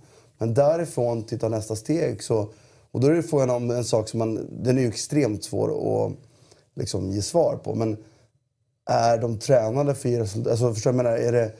Där jag tycker Spanien och Portugal är så otroligt bra på att fostra spelare som, som inte vinner titlar när de är 18, toppar de 18, 20, 21. Utan de fortsätter att mm. ha liksom, steg är tyska skolan, många av de här, de, är, de går ju skitbra alltid ur nivå Men där är taket för många. Och då undrar man, är det fel i tränarutskolningen där de måste fundera lite på? Det känns som att de aldrig riktigt tar det sista klivet till att växla upp och bli Nej, på den det är nivån. det jag menar. Och är det det för att de ja. kanske då är, är skolade på ett sätt som gynnas då? Eller, menar, de är extremt mycket mer boll i Portugal och Spanien mot Tyskland. Eller kanske. Men det är sagt. Ja, Tyskland är intressant nu. Jag menar, vi ska inte glömma att u vann de i somras med utan att ha sina bästa med. Confed vann de utan de bästa. Men alltså, så det är ju kanske, och då, då, de är rätt snabba att göra, göra bedömningen nu, fast förändringen har egentligen redan skett. Och resultaten av den förändringen som skedde för några år sedan ser vi, börjar vi se mm. nu och framåt. Det kallas fluxtendenser. Där man... Men är det inte intressant det du säger att de är dåliga utmanare en mot en? Alltså, under rätt många år när vi växte upp och sen vidare så, och även när det här programmet var ungt så pratades det alltid om ja, men i Tyskland så är det lite annorlunda därför där får man lära sig mer man-man. Både i, liksom, i markeringsspelet och även att lösa, alltså lösa sin gubbe ute på kant. Eh, det är inte så mycket att eh, nu ska vi liksom på något sätt via triangeln och lite gå förbi här utan du ska slå din gubbe. Det, det är det du ska göra. Eh, och det, gjorde, alltså det var en förklaringsmodell till varför de ändå var så pass duktiga i liksom, de tyska spelarna. Och även när Dortmund under Klopp så pratar rätt många om att ja, men de är starka i en mot en, det är därför han på något sätt kan riska eller göra sådana saker. Har de tappat det, säger du då? Eller? Det skulle jag säga helt och hållet. Alltså, om man kollar på vad som finns nu till marknaden, alltså, för en, de tyska fotbollsspelarna, så det är ytterst få spelare som man ser. Alltså, det är väl Sané i City som har den här klassiska, kan ta sig förbi sin gubbe, göra sin gubbe. Annars är det ju väldigt... Som han gör det. Ja, absolut. Han är ju, och det är därför han är given i ett landslag. För att han är en av de få som kan göra det. Men annars är det väldigt många spel som otroligt bra i liksom, formation, passningsspel, hålla sig liksom, till en struktur. Men när det kommer till de här viktiga matcherna där du måste liksom kunna gör, stå för det där li, lilla spektakulära. Då är det ytterst få i Tyskland som har den kvaliteten. Och det, det är få som kommer fram som har det. Och det är någonting som nu har börjat blomma upp där det är framförallt många liksom, äldre spelare som ser att det här är problematiskt. Men Scholl har ju varit en av de mest liksom, kritiska med det där. Och jag tror att i den tyska fotbollen så har det liksom, de senaste åren, för att det har gått så bra, så har det saknats en debatt. Man har inte tagit en debatt, vad är nästa steg? Utan man har varit rätt nöjda. Och då blir det ju inte heller, om man inte förhåller sig kritiskt till det man gör hela tiden, då kommer det stagnera. Det kommer till slut komma till en platå där det blir så här, här står vi stilla. Nu är debatten på gång. Nu börjar man liksom kolla på allt från att, okej, okay, är det tränarutbildningen fel på? Är det hur vi utbildar spelare? Saknar vi liksom eh, kvalitativa sportchefer? Ska vi upphäva 50 plus 1? Alltså det, helt plötsligt börjar det komma debatt och då, då kommer det naturligt sett en utveckling. Man börjar se vad, vad för vägar ska vi ta? Mm. Vad gör andra bra? Med det sagt så är det fortfarande så att de brittiska lagen gör det ju bra och det blir spännande att se hur de förvaltar att deras ungdomslandslag går bra nu när vi ser att U17 har gjort det bra.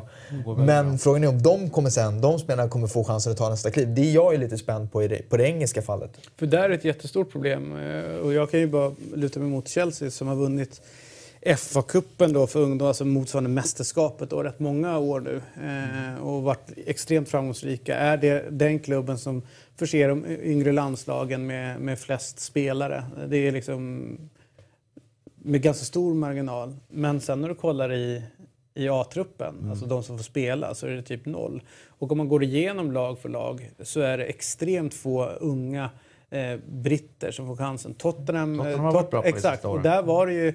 Eh, då pratar de om vad är det som Pochettino gör som får engelsmän att prestera, som inte då Mm. gör det sen i landslaget. Och där blir det lite grann den, det du pratade om. Kommer de stanna nu? Eller kan en Ruben Loftus-Cheek till exempel, eller några andra sådana som har varit med och vunnit, liksom hitta en väg in och fortsätta utvecklas? Och jag tror inte de kommer göra det genom att ja, spela i, i sämre lag. Alltså om man tar Asensio, ett jättebra exempel. Relativt ung och den träningsmiljön som man är i varje vecka. Spelar Champions League, eh, in och spelar Isco också ett bra exempel på lite yngre spelare. Spelar Champions League i Real Madrid med den miljön och så vidare. Det är klart att de kommer utvecklas till att bli ännu bättre. Men bara för att jag vill inte... Problemet eh, är ju inte i Tyskland att de inte får chans. Jag tycker heller att man inte får chansen. Nej men om man inte chansen, men i England pratar vi om så Ja, får fram. men för jag menar någonstans att, att, att det, det som skiljer Asensio från eh, Loftus-Cheek är att Asensio är ju skolad mycket, mycket bättre. Mm. Han kan ju mycket mer.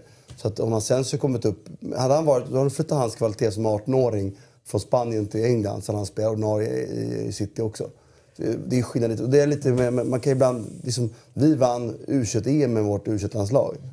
Inte fan trodde jag att no, många av dem skulle bli bra landslagsspelare. Därför det var en, man, så det var en enhet som funkade bra för att vinna där och då. Medan då, kanske då, det var det jag menar med Tyskland, att man, jag säger inte att det är så för det är så otroligt svårt att analysera. Men det kan ju vara så att de fostrar spelare där de är bra på ungdomsnivåerna.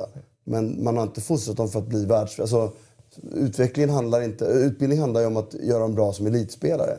Men det är ju liksom inte entydigt. Men jag menar BP är ett bra exempel i Sverige.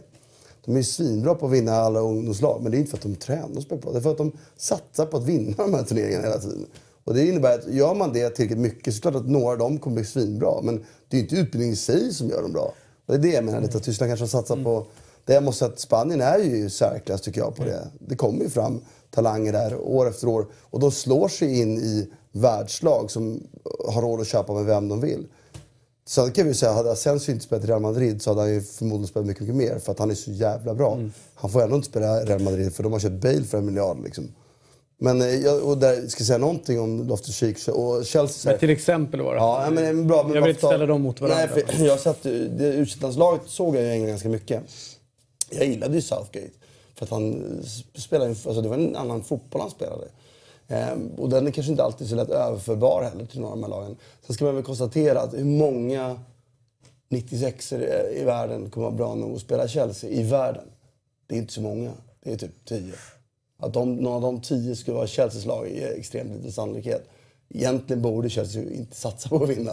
För jag menar, egentligen borde de lägga pengarna på annat. Men det är en annan fråga.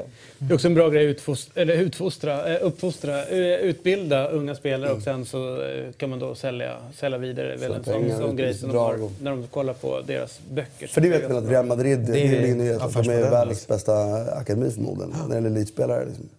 Du, det är ju så att vi håller på med något som heter Status Ronaldo. Det är, vi ska plocka ut det bästa laget eh, från 90-talet. Och vi har lite problem nu. Eh, och, eh, förra, förra måndagen så noterar vi ju att eh, vi måste ju ha med en spelare som kanske inte eh, hade sin, sina eh, heydays under 90-talet men är ju världens bästa genom tiderna och det är Maradona. Man kan ju inte inte ha med honom. Ja, det går ju inte. Det, är ju, det går ju inte. Och vi har Jag tyckte vi hade en bra lösning på det sist. och vi har redan pratat om Zidane någonstans här. Ska han vara med? Eh, han spelade också på 90-talet och så. Men vi- Matteus. Matteus ska också, måste man ju kanske ha med också. Och jag vill gärna slå ett slag för Dennis Bergkamp. Tycker Eh, inte han platsar. eh, men nu är vi inne på ett mittfält här. Och eh, är det en central mittfältare vi ska få fram? Ja, vi har väl pratat om att det är diamant vi kör så det betyder ju att man börjar med den, defensiv. den defensiva. Ja, då. Jag vet inte om vi, vi, visst är vi överens om att det är, att det är diamant vi ska Ja. göra? Ja, eller, eller, Eller? eller en 4-4-2. Rak och spela med Figo och Zidane på varsin kant. Ska vi göra för enkelhetens skull att vi tar ut Zidane på vänstermittfältet då? Så har vi det gjort. Så kan vi fundera lite grann på det centrala. För det var ändå så han eh, ändå spelade Ja, i Real Madrid. Ju, att han spelade till vänster. Och i Bordeaux och även i, i, i Juventus så var han ute på, på kant. Det var han min Och vän. han vann ju lite VM och sådär på 90-talet. Och var, Ja. Men alltså det är ju svårt så här. Sen pratar vi om eh, alltså, Desailly eller Redondo för mig liksom, som sittande mittfältare. Det Desailly vann allt. Vieira. Ja, han vann ju inte. Alltså, jag, Men jag säger inte att han vann allt. Jag säger att han var bäst. Nej, det var inte. Alltså, där svårt. jag kan säga så här, det är, det är få eh, spelare man, Han var man får rädd en sån här liksom. aha-upplevelse. Är han så jävla bra? Och då är det ändå på slutet av hans karriär när han ramlar in i Chelsea. Det, var, det är det sjukaste jag sett alltså, alltså, i, han var i ju- kvalitet. I Milan, det är Milan som var bäst i världen under flera år. Där var han Nästan bäst. ja, Ja, och då säger jag att hans företrädare eh, Rijkaard eh, nej. liksom överskuggar ju honom på, på eh, både som defensiv mittfältare och som, som, eh, som mittback. Del Piero, vad känner ni kring honom? Han platsar ju inte. Det är så tungt Ah. ju. ja, jag känner varken han och, och även Bergkamp eh, att de inte... All right. De är inte Alltså, Men vi gör så. Vi, för, för, Matteus Redondo eller Matteus Desailly Zidane och så, så Maradona Romario är för mig liksom... Det är svårt att bortse från någon av det. och, och Tjocke. Tjockis Ronaldo. Ja. jag menar att, Att han, in- vadå, att Desailly han skulle ha varit... Att, eh, att, att. Ronaldo inte Ja, vara med. han ska ju vara med. Det har vi väl pratat om också, eller har vi inte det? Han fram förändrade ju fotbollen liksom, när han kom fram. Ja. Det var ju något sjukt. Då ska han peta Romario som var världens bästa spelare i början av 90-talet vann VM-guld och så. Han vann inte VM-guld på 80-talet. Nej, men alltså det han gjorde i Barcelona och när han kom fram med PSV och, och så vidare. Inter, Det- Mm. absolut. Det kan ju bli Ja. lite missvisande att bara utgå från vad man har vunnit för titlar. För du kan ju spela ett lag där Absolut. tio var världsklass. Absolut. Ja, då ska vi vara med... lite Då vill jag ha med... att bara- Då, Ja. då håller jag med om, men nu pratar vi om de spelar här. Då alla de här har vunnit allt. Jo, jo, jo. Liksom, så att de här är, Då vill jag ha med Letizier. Ja, hur cool, ja, Ja, det är en cool coolaste spelare. spelarna så Exakt. är han... han- Ginola, ja, Letizier. Jag vill ha med Paul Gascoigne. EM han, 96. ja, alltså det är ju... Där är vi nästan överens. Jag, Han, han jag- var ett med bollen, han andades Ja, alltså det var ju... När han var som bäst var det ju faktiskt helt... Då var fan fotbollen som bäst. Ja, Desailly var bättre än Redondo eller? Ja, ja, DSI bättre. Ja, DSI. Men den, jag skulle säga fotbollen pikade den sommaren. faktiskt. Det EM-slutspelet är fan det bästa någonsin. många. Men engelsmännen måste gå långt med domarhjälp. Fan, när de slog Spanien, vad arga var de. Det var när, ju två han, offside-mål. när han lyfter Fel bollen över Colin Henry och sen trycker in den. Alltså, det, då jublade jag också. Alltså det är så... Det var mot Skottland. Ja, jag var ju på plats då den Nej, matchen. Ja. nej, det- nu är ja, det var jag- helt enormt. Ja, Helt det, enormt. det, då jublade jag också. Fan, vad snyggt. Ja. Nej, han var... grät när han visste att han skulle missa, Missa finalen. finalen på planen. Gick Ja grät. visst, gick han. Nej, det var- Nej, det var eh, starka grejer. Semifinalen skulle han missa. Det var Så ju, var det, ja. Precis, det var i kvartsfinalen han fick det gula. Fuskade sig vidare, engelsmännen som vanligt. Ehm, Så pratar vi inte om Maradona i så fall. nej, Det var inte han som gjorde något. nej. Nej. Ja, och, och även då, vad hette det, Nandrolon eller efedrin eller vad han hade i kroppen där 94. För det målet han gjorde mot Grekland Ja, 94 är så snyggt. Ja, ja. den är helt enorm. He- Och då hade folk räknat ut honom innan. Och så, så bara gör han det. Jag måste säga att eh, på den här handen, jag beställde en, en, ett foto igår med Jag, gillar den. precis den bilden, tagen bakifrån. hur När man ser handen med skylten. Jag var Då ska jag ha stor print på hela min vägg. Liksom. Alltså Peter Genialitet. det måste vara världens sämsta målvakt genom tiderna på straffar. Han gick ju alltid efter det att de hade gått på bollen, Mm. alltså straffskytten. Så han gick ju alltid i rätt hörn. Men för Men sent. nådde han Men nådde. alltid för sent. Ja. Men han var ju inte gjord för straffar, han var ju gjord för något Han är annat. lite för kort. Och- Vad Ja, de skulle plocka bort honom för länge sedan. Men det var ju en sån här engelsk grej. Nej, men Peter Shilton är vår första. Men, men han håller inte längre. Han är för Annars dålig. gillar jag ju tanken på att man står och ser var skottet går så man tvingar dem till att skjuta riktigt bra skott. Jo, jo, men han... eh, På den tiden så slog man inte ens straffar mitt i målet. Man tog ju alltid ett hörn. Ja, Och då sköt det inte så bra som ni gör idag. Nej, så att, eh, Idag måste du ju nästan chansa om du ska hinna ut i stolpen. Nej, men vi gör, ska vi sätta in eh, Zidane på kant? Så, så, Köper vi Ja, oss han tid. måste Så köper vara oss Han måste vara med. så gör vi det. Vi sätter han på vänsterkanten. Så går vi vidare till Europatipset lite snabbt. Eh, och eh, kollar hur det blev. Jag tror att Gusten faktiskt såg till med 11 rätt. Är det sant? Jajamensan, det är jättebra eh, utav honom. Eh, så att eh, bra Gusten, 11 rätt. Noah, Martin 9. Eh, jag ramlar in på en 10 och eh, Christian 8. Det är några resultat, som st- sticker ut. Eh, det är ju att Rochdale eh, kryssar. Jobbigt för kupongen, men härligt för hjärtat. Hur kunde ni missa det? Att Stuttgart vinner såg ingen komma. Gjorde du det? Att eh, de skulle... Jag spelade faktiskt på att Mario Gomez skulle göra mål. Så att jag såg att han skulle göra mål, men jag tror inte de skulle slå Augsburg. Det trodde jag inte. Nej, den, den var lite jobbig tycker jag. Eh, sådär. Eh, annars var det väl eh, inte så mycket. Dortmund vinner hade ju egentligen alla förutom någon som bara hade ett singelkryss, eller två stycken. Ja, det var ju Jag förstår chans. tanken där eh, med det. Eh, att Milan skulle vinna var ju solklart. Jag tycker Milan såg väldigt fina ut igår. Ja, faktiskt. Eh, och sen så Real Madrid. Efter mycket möda och stort besvär som det heter så blev det väl en 5-3-seger till slut mot Real Betis. Åtta mål, det är ju mer än man får se i OS-hockeyn. Ja, förmodligen är det så. Men det är, och, och återigen bevis som Martin sa tidigare för att det här är ju fortfarande någonting som inte riktigt är som det ska i Real Madrid. Det där är, det är lite för mycket party. Men jag vill ändå slå så för jag satt ju, jag, jag, kanske, jag såg inte speciellt mycket av det internationella utan jag ramlade in i den svenska fotbollen som, som tuggade igång.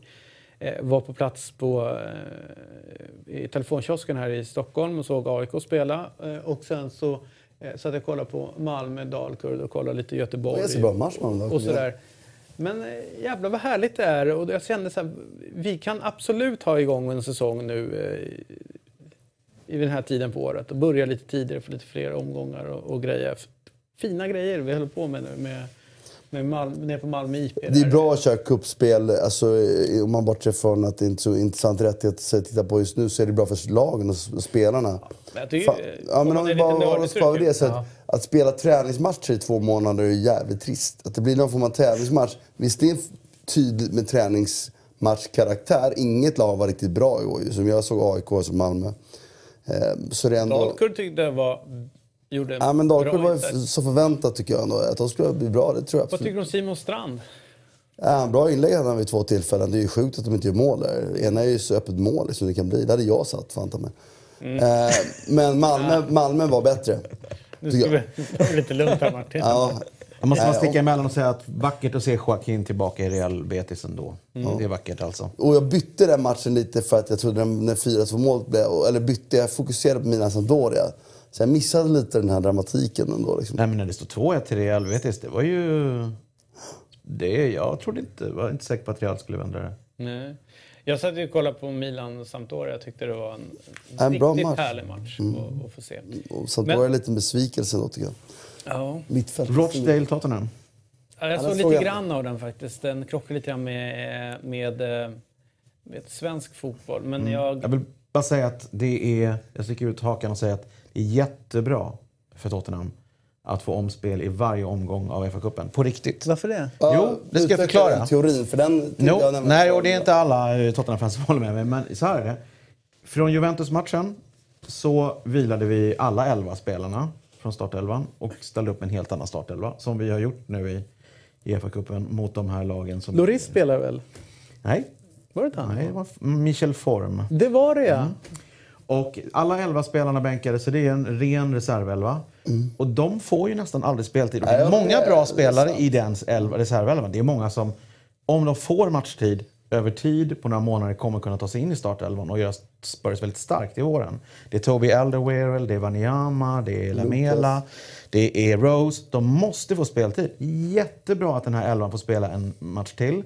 Och i bästa fall då en kvartsfinal får de också spela borta mot antingen då Sheffield Wednesday eller Swansea. Vilken jävla lottning. Ja, men det är bra för dem att få Newport, spela. Rochdale och... Så bring, bring them on, alla omspel. Va, att- kan du säga Tobys a- efternamn igen? Alderweireld. Alderweireld. Ja, Alderweireld. Bra uttal. Alderweireld.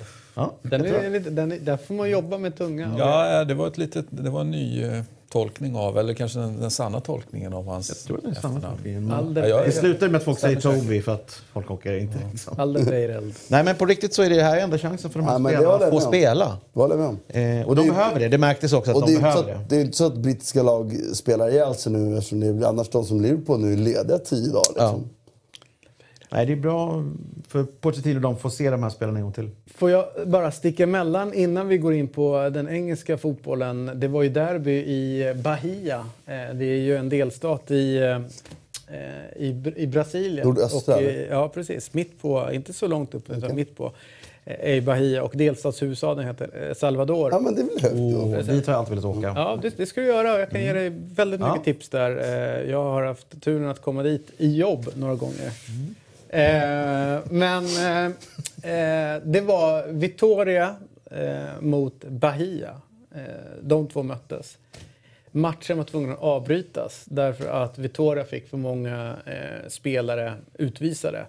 Eh, ni ser ju själva där hur det smattrar på. 58 Fem- minuten. Fem stycken utvisade på, i, i, starkt, i alltså. Vitoria Men avbryt. och bara då får man då säga fyra stycken utvisade i eh, Bahia. Sju mot sju. Ni ser ju att det är ett mål som... Det är Nilsson. Ja, visst är det. Stökiga minuter där, 58, och 59 och 60. Vi ska se när det där målet faller. Det är ju... 34 och 50. Ja, 59. det är Vinicius som är mål där i den 50 minuten. Han ställer sig och juckar framför Vittoria-klacken. Snyggt. Och man kan säga, där någonstans så var det en gnista som drog igång. Eh, och eh, det, blev, eh, det blev kalabalik. Jag skulle säga, man pratar om heta derbyn. Det här är jag säga, ett av världens hetaste. Det finns mycket hat mellan eh, de här två klubbarna i den här relativt fattiga stan. Vitoria är lite mer stadens lag, eh, lite mer man säger så här, folkets lag och, och sådär. Eh, och Bahia, där började för övrigt David Luiz en gång i tid eh, spela innan han åkte över till Europa.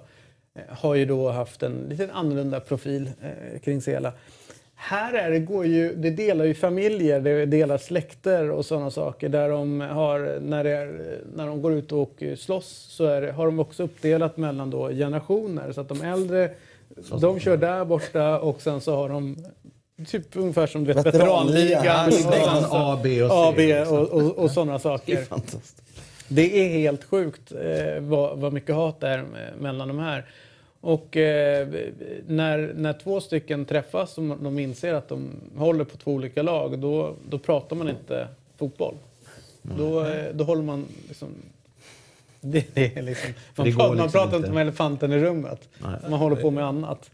Eh, Så att jag är egentligen inte förvånad över att det, att det och när det väl smäller till. Och det, Fontgenova heter ju den nya arenan där eh, som ligger mitt inne i stan. eh, Så det är ju härligt. Så att om ni vill gå... Det var, jag måste, fantastisk historia. Det var ett annat fantastiskt derby i helgen också. Mönchengladbach. Eh. Old Farm-derbyt på Carrow Road mellan Norwich och Ipswich. ja, den är fin. Mick McCarthys firande vid 1-0 Den är, nådde inga gränser. Slutade ju 1-1 till slut när Norwich knoppade in den i 95. Fantastiskt dålig fotbollsmatch, men mycket känslor. Alltså jag har ju, för jag, jag satt faktiskt funderade på det där när, när den här gick. Alltså jag vill ju, vi pratar ju lite grann om modern fotboll och du vet, det. man ska ju börja åka på heta derbymatcher som, är, som inte får strålkastarljuset. Jag tror att det, det är om man vill få Mm. lite hardcore och känslor och, och sådana saker. Vittoria Bahia kan jag rekommendera, eller Bahia eh, Vittoria. Men se till då för fan att ni, eh, att ni inte går med färger på er så att säga. Utan det håller, Inga håller färger. Inga färger. Så. England Christian, äntligen. Va? Ska vi ta oss dit lite snabbt? Ja.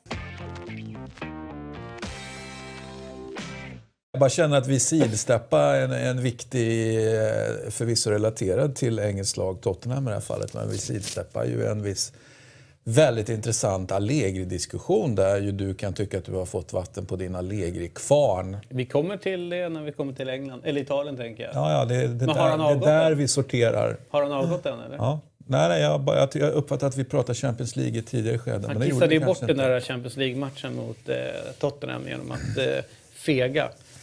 Han, han blev ju Mourinho helt plötsligt. Mitt under matchen så bara... Nu är jag Mourinho. Jag, vi, vi ska bara riskminimera. Vi ska... Vi, vi, vi, fega. Tar vi det nu eller sen? Nej, vi tar det sen. Jag blir så förbannad jag bara tänker på... Ja, men vi måste ta det. För det är en, eh, så du kommer ihåg att vi tar det sen. Du, Jag tar det inte utan att David tar upp det. Men nu tar jag den. Nej, Ja, men, men, tar vad upp menar det. han styr programmet va? Så att, du ehm, eh, ska vi eh, prata lite grann då om eh, hur, hur det kommer sig att, att det bara blev eh, 2-2 mot eh, Rochdale? Det är vår nya grej. Do är do. Det är så vi spelar. Ja. Nej, men det, det var ju... Det, det där flaggade jag för redan innan matchen. Det har sett ut så när Tottenham har spelat borta matcher mot de här lite mindre lagen. eh, i flera år egentligen. Ehm, och det, jag måste bara säga cred till Rochdale för hur de spelade. De, de stod upp jättebra i den där fighten och eh, det är ju alltid så med alla matcher att ah, ett lag är bra, då är det andra dåligt. Men Rochdale gjorde det riktigt bra och eh, spelar de, om de skulle spela sådär varje match då skulle de inte ligga i den ligan och på den positionen. Så de gjorde sitt. Vilken nivå spelar de med? Ja, de är ju i slutet på League One, va? Ja, jag tror det är bottenlag. De, är faktiskt, de ligger sist faktiskt. Ja. De, är, ju- de är så avhängda att det är ju en rätt stor risk att de åker ner i League 2. Och de brukar tydligen historiskt pendla mellan League 1 och League 2. Har de gjort de sista 10-15 åren.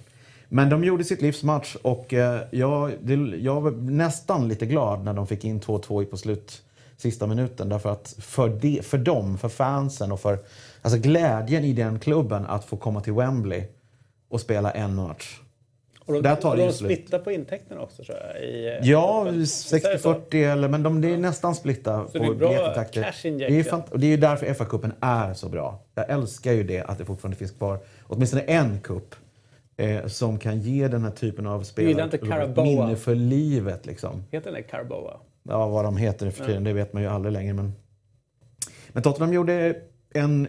Det var ett klassiskt, en klassisk match av klassisk, ett lag som har ett reservlag på plan där inga av de här spelarna spelar ihop.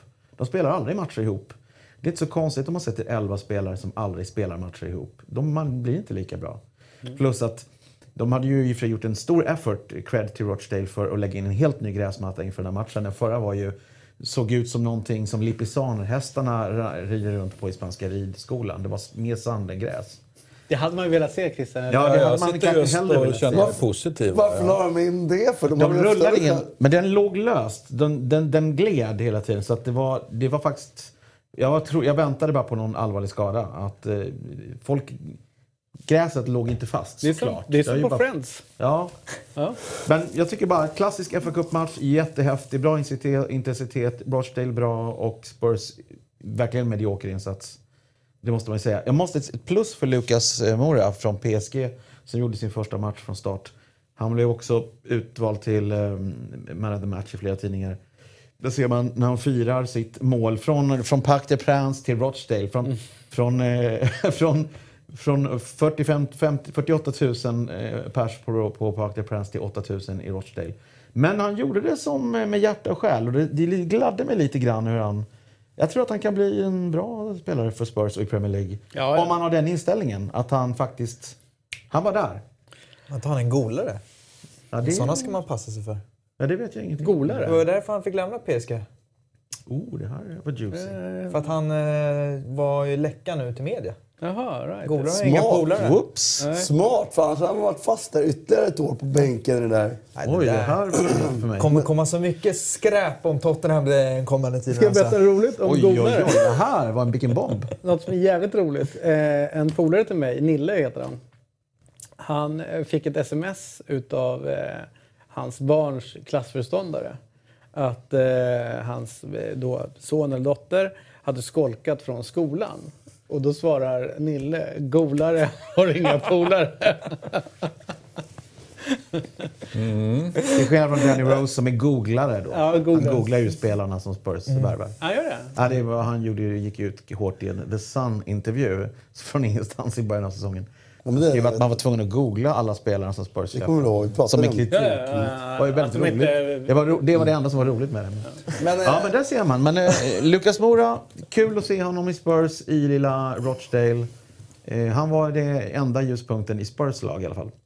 Ja, eh, och det som då... United har ju match på söndag. Det är José mot Conte. Det är lite infekterat däremellan. Och det är Lukaku som möter sitt Chelsea och det är Matic som... Eller Lukaku som möter sitt forna Chelsea och, då i, och Matic som är på andra sidan Mata och så, och så vidare. Det är, rätt, det är rätt många som har vandrat däremellan och så. Men eh, det, de stora grejerna nu är ju egentligen uppgifterna som då ut om, om missämjan då mellan spelare i United och eh, han gick ut då innan matchen mot Huddersfield och sa nej, nej, nej, nej, det här är bara bullshit. Jag och Pogba, vi är the best of friends, det finns inga problem här och så vidare. Och sen när krutröken har lagt sig, förvisso en ganska rasslig källa, men då går ju The Sun ut och lyfter upp och säger nej, nej, nej, nej, det är en spricka här. Efter matchen mot Newcastle så, så dök han på både Pogba och Phil Jones och skällde på dem och, och att det finns en spricka. Jag känner ju så här att det är helt omöjligt att veta hur det är. Men när det kommer rapporter fysande så är det ju tecken på att det är någonting som är inte hundra här åtminstone, kan vi säga. Det kanske är 98, det kanske är 70, det vet jag inte. det är ju... Men det är någonting. Kommer ut, exakt, ingen rök utan eld. Det är alltid viktigt att konstatera. Det är inte så att det bara råkar ryka bara sådär, för Nej. det gör det inte. Utan, Framförallt inte så får man ju se hur han reagerar. Alltså om det är en liten, liten, liten pytterök så har han en tendens att blåsa upp det, Mourinho. Men det här var ju precis det här vi har flaggat för, eller? Jag säger, han är inte kvar efter sommaren. Nej. Om inte de gör en sjukt bra resultat två år så är han aldrig kvar efter sommaren. Och det har inte att göra med att klubben nödvändigtvis behöver bli av med honom. Jag tror bara att, att i takt med att det går dåligt så får hans eh, extrema självbild en, en törn till och då ska han hitta s- syndabockar. Och när han då börjar hitta dem internt i laget och börjar skylla på folk eller göra saker som att peta Pogba för att det liksom, då skyller han ju på någon liksom, in, indirekt. Ja, och han har inte sportslig trovärdighet och har inte ledartrovärdighet, ja då är han out. Mm. Ja, men så är det. Så det har varit min tes ju. Ja, och den, den kan nog slå in.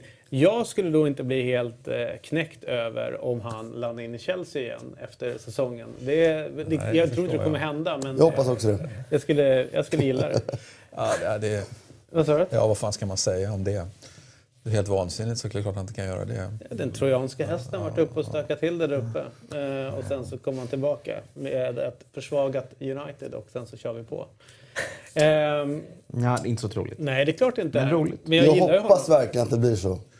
Tråkiga verkligen- med det här tycker jag är att han är i den här positionen i sin karriär, sin tränarkarriär som han är precis nu. Det är ju att det är för sent, tror jag, för honom att göra någonting riktigt bra i det portugisiska landslaget. Han skulle ha tagit det landslaget några... Så det hade varit så häftigt att till exempel att han hade kunnat spela med en, en Cristiano Ronaldo som fortfarande var, Var bra. Liksom, riktigt, riktigt Eller, bra. be-. Eh, Det känns som att han faktiskt har schabblat bort eh, chansen till att, att ta Portugal till ett guld. Sen behöver inte det vara ett VM-guld, det kan vara ett EM-guld. Men något, något slags guld hade han kunnat gå för med en, en fin generationsspelare. Och, och, och den har han försuttit nu, tror jag. Sen är det intressant resan han gjorde. Vet, när han kom tillbaka så var det ju, eh, eh ja, inte the special one eller vet, the happy one var det som kom tillbaka. Och han skulle liksom då, när han var lite äldre, skulle han ta någon form av eh, seniorroll i, bland managers i, i Premier League. Det var ju det, liksom, det var ju anslaget när han kom tillbaka till Chelsea andra gången. Det har, gick det har ju gått sådär får man ändå säga eh, för honom. Han är, visst, han har, blivit, han eh, har blivit gråhårig och sådär. Och han har blivit en arg, grinig jävla gubbe under året. Sådär. Eh, tidigare, och det, jag tror att du pratade om det i någon av dina sändningar och sådär också. Att, tidigare hade han ju en viss finess i liksom hans uttalanden. Han backade sina spelare, han visste vilka liksom, knappar han skulle trycka på. Och sådär, Han, liksom. kl- han klädde ju sig, det fanns ju en finess där också. Han har ju, vi Han ser ju en degenererad upp eh, Mourinho egentligen på alla plan. Att, att det är någonting som inte är riktigt... eh, Han har slutat med kostymen, det är väl det. Ja, men det, det gick ta- och du vet i början i Real Madrid, då var ju världens största grej gjordes det av att han, han valde ut en liten firma på Sicilien och, och liksom klädde precis hela Real Madrid. Eh, och sen gick det inte speciellt lång tid förrän det var någonting helt annat han stod i där. Va? Så att det hände ju någonting där. Alltså det där är förmodligen brytpunkten när han släpper det där. Det, eh, klädsel är viktigt och tröjsponsor. Mm. Ja, Ja, ja. kan vi konstatera. Det är två Absolut, viktiga grejer. absolut. Har Men det lämna- sagt, det är fortfarande bra resultat han har gjort Ja. med United. Det är ingen dålig tränare. Han är bara inte topp längre. Liksom. Ja, men alltså, Men grejen sen har jag ju alltså, lite, ett jag lite otur med att eh, City går så bra därför att eh, deras poängsnitt är ju det är ju vinnande, Men. Det är inte alls säkert att Man United ens slutar topp fyra i år. Nej. Nej, det tror inte jag Så att nu, Ligger tvåa riskfrån. Men fantastiskt. så här långt. Men fy, femma, då är det inte ett bra resultat. Nej. Då är det katastrof. Men nytt jobb ska han ha då med stor sannolikhet och då finns det ju ett ställe där han är, skulle vara, vad jag kan bedöma, hjärtligt välkommen tillbaka och det är ju egentligen bara ett ställe och då landar vi ju i Inter. Inter och där vi har Spalletti som rimligtvis inte kan, Nej. alltså när de spelar så här. Så att, Trolig adress. eh, känn på den. En återkomst till Inter. Det är dags Alltså, att spekulera i den. Inter pikade ju han som tränare skulle jag vilja påstå. Mm. Det laget, eh, han har aldrig vunnit något, allt med något annat lag än det. Liksom. Men han har varit väldigt duktig hela tiden på hela tiden älska Inter. Precis lagom, även om han har haft andra jobb efter det. Hela tiden behålla den där relationen på ett, på ett sätt som jag uppfattar att han inte alls har gjort med de andra klubbarna han har lämnat. Så Jag- han har jag- spelat det kortet väldigt bra, om han skulle vilja komma Jag tillbaka. tror ju att Inter för Mourinho är ett val som sker om man inte har någonting annat att välja på. Eller så är det, jag tror att han mycket hellre tar ett lag i Premier League än till. Liksom. Eh, härligt. Eh, ska vi göra så? Det var ju derby, eh, apropå. Märker ni att det har blivit nästan ett litet derbytema här i programmet? Mm. Vi har pratat väldigt mycket derby. Och det var ju derby i Italien. Ja, inte bara ett, utan flera. Jo, fast det är ett som jag... Har vi gått till Italien nu eller? Ja, nu ska vi gå till Italien, men det kommer komma en så kallad en- bumper först. Ja. Den kommer...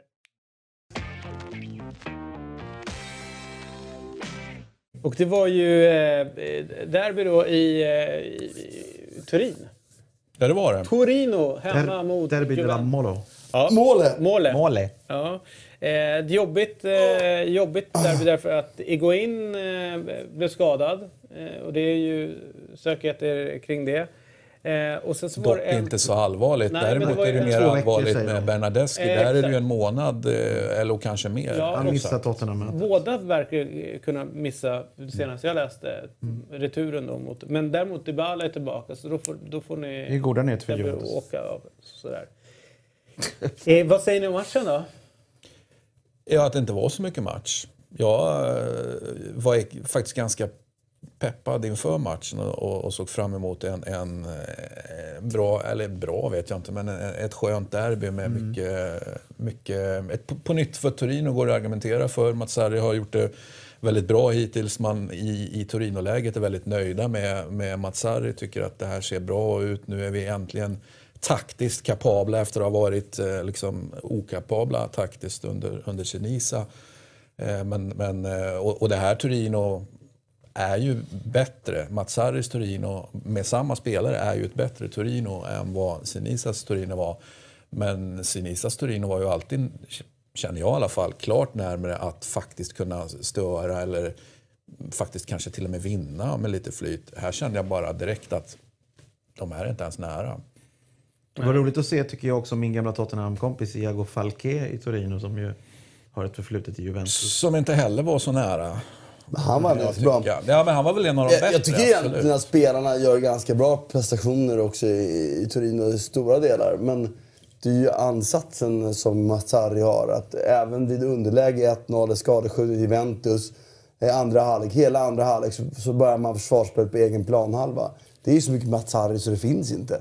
Det är det här man satt, jag och satt och avskydde honom för i Napoli. Att liksom, han vågade aldrig prova att gå för att vinna. Utan alltid, alltid, alltid. Vilket gör då att Ja, men hade han fått 1-1 i slutet på en slumpchans så hade liksom, han förspillde inte matchen heller.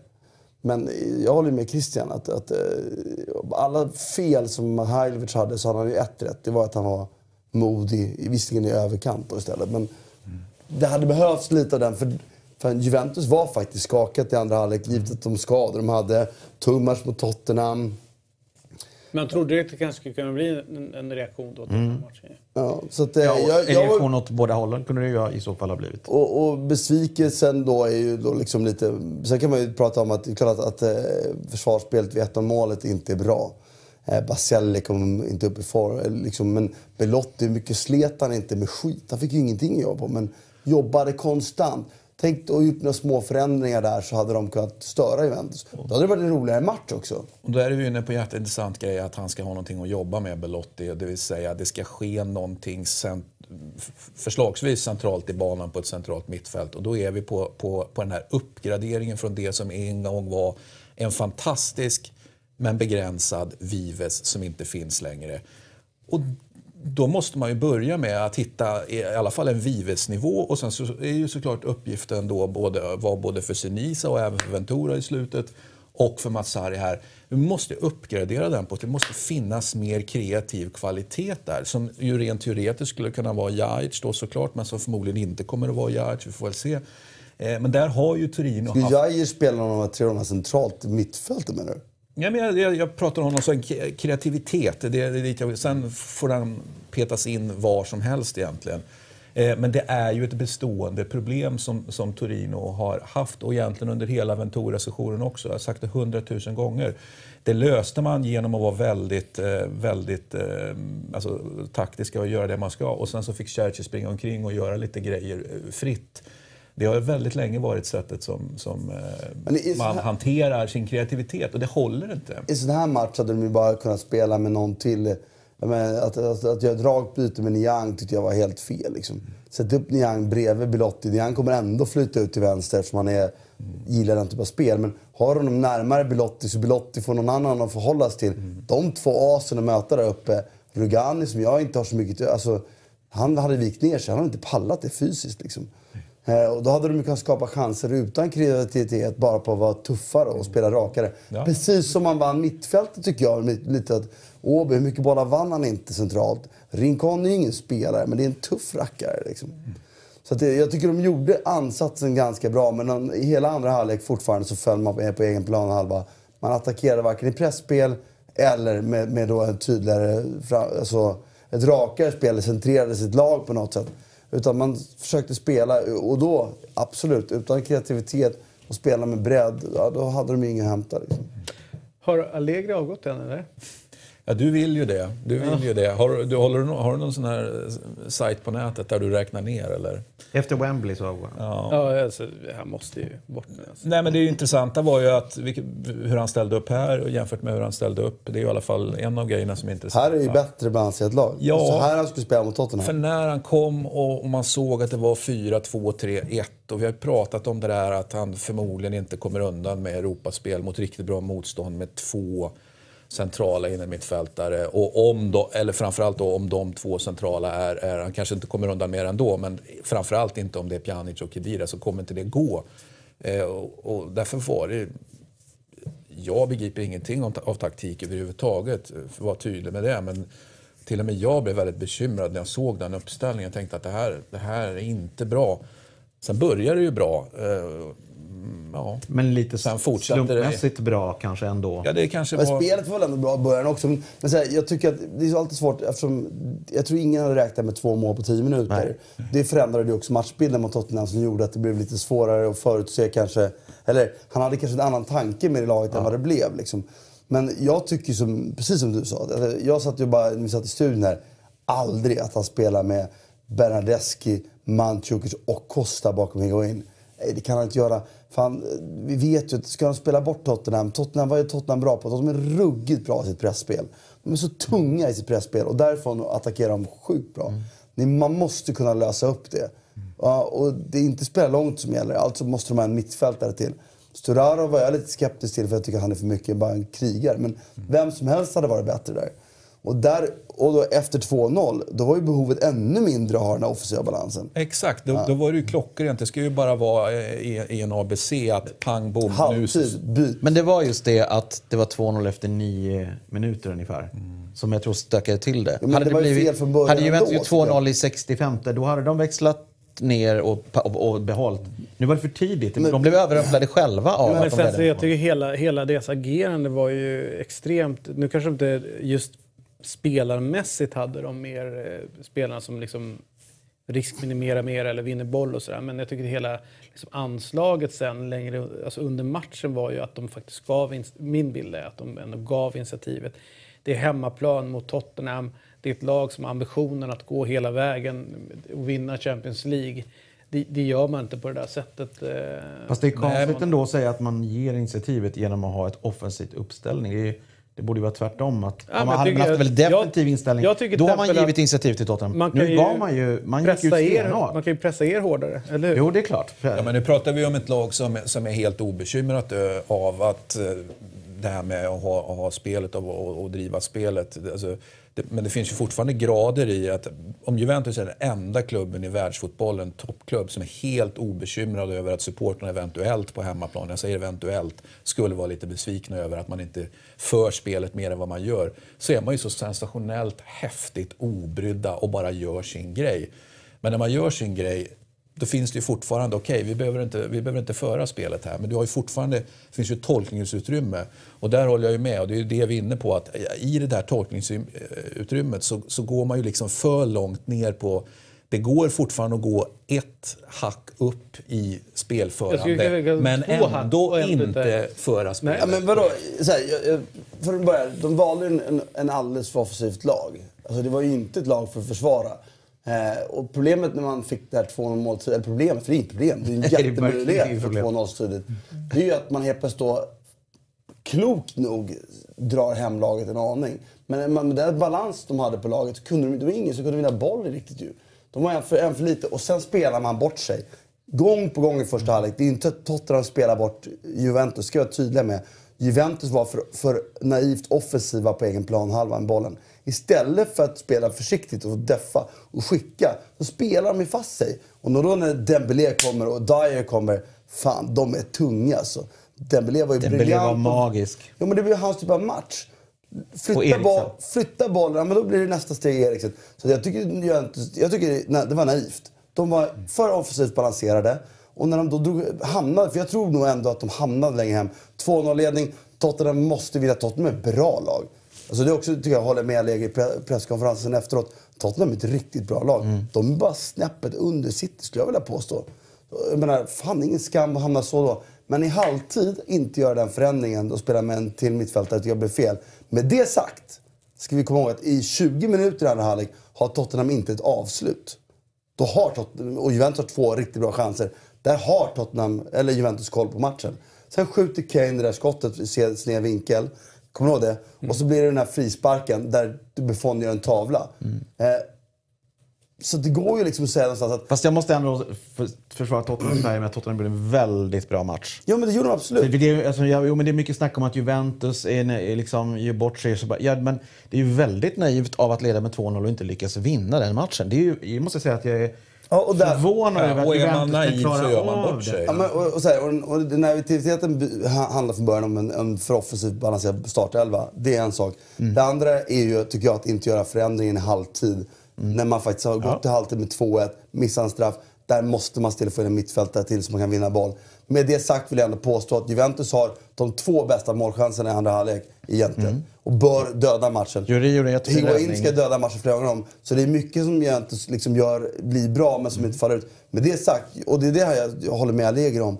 2-2 hemma mot Tottenham, inte ett superbra resultat. Men det är inte heller så dåligt. Det är ändå Tottenham gjorde en riktigt bra match. Det här är inte kört. För att Tot, vad Juventus, Nej, det är klart att det är kört, vad men Juventus, samtidigt- Juventus ska göra när de åker till bortaplan nu, det är nummer ett. Fastna inte i Tottenhams press. Det är det viktigaste. Det var vi pratade om inför matchen. Det är det absolut viktigaste med Tottenham. Tottenham har inte riktigt... Tottenham när de ska föra matchen mot lågt spelande lag, då har de brister i sin kreativitet. De är som absolut bäst med den tyngden. De bara äter sig fast. Mm. Dembélé ett exempel. Jag tycker han är fantastisk när han får vinna boll. Och då blir han ju aldrig av med den. Men däremot så har de ju brister. De har brister i sin speed i backlinjen. Och Douglas Costa kan jag... Sanchez är ju rätt Han är ja, snabb. Men eh, om du spelar med, med Fertongen, det är ett kylskåp för herregud. Jag, sp- jag springer ifrån honom. 30 meter. Jo, det Jag tror tycker jag. Fertongen Det- är jättebra. Jo, Ja, det ja, är det en grym spelare. En, en, 30 grej som, en grej Martin faktiskt var snabb på, det var just 30 meter. Ja, men skitsamma. Inte 40. Jag vill bara säga Serge Aurier som, som har gjort bra matcher mot vissa lag, verkligen bra matcher. Men hans... Alltså, Det Pochettino, Pochettino använder sina... Vi har ju liksom fyra väldigt, eller förhållandevis väldigt bra ytterbackar. Och de spelar varannan match, har de i stort sett gjort hela säsongen. Aurier är ju avstängd oavsett mot Juventus, så att det blir ju Trippier som startar. Thank God, säger jag. Ja, men Aurier och det kommer vara, bara det kommer vara mycket bättre för vår defensiv. Och Sanchez har varit väldigt bra sedan han kom till oss. Han är ju en enorm försvarstalang. Jag vet att du är hög på honom tidigt, men eh, det får jag vi rätta upp det är- sen. För han är ju utnämnd till eh, årets bästa All-star-lag i Europa och så vidare. Och så vidare. Ja, de kan Jag- ha jag- fel och du kan ha rätt. Men, Men- Nej, men jag men han det- hade ingen bra match heller. Men det Nej, där men- är ju en kombo av en hel backlinje som inte funkar. Men jag håller ju med David. Jag tycker, inte jag, han, jag, tycker- tycker inte han är där som alla, som alla ni pratar han är om. bara 21, han kommer Nej, komma men. Sanchez tycker jag är en jättebra spelare. Men jag håller med om att det finns brister i, där han chansar lite Oh, mycket. ja. Och sånt.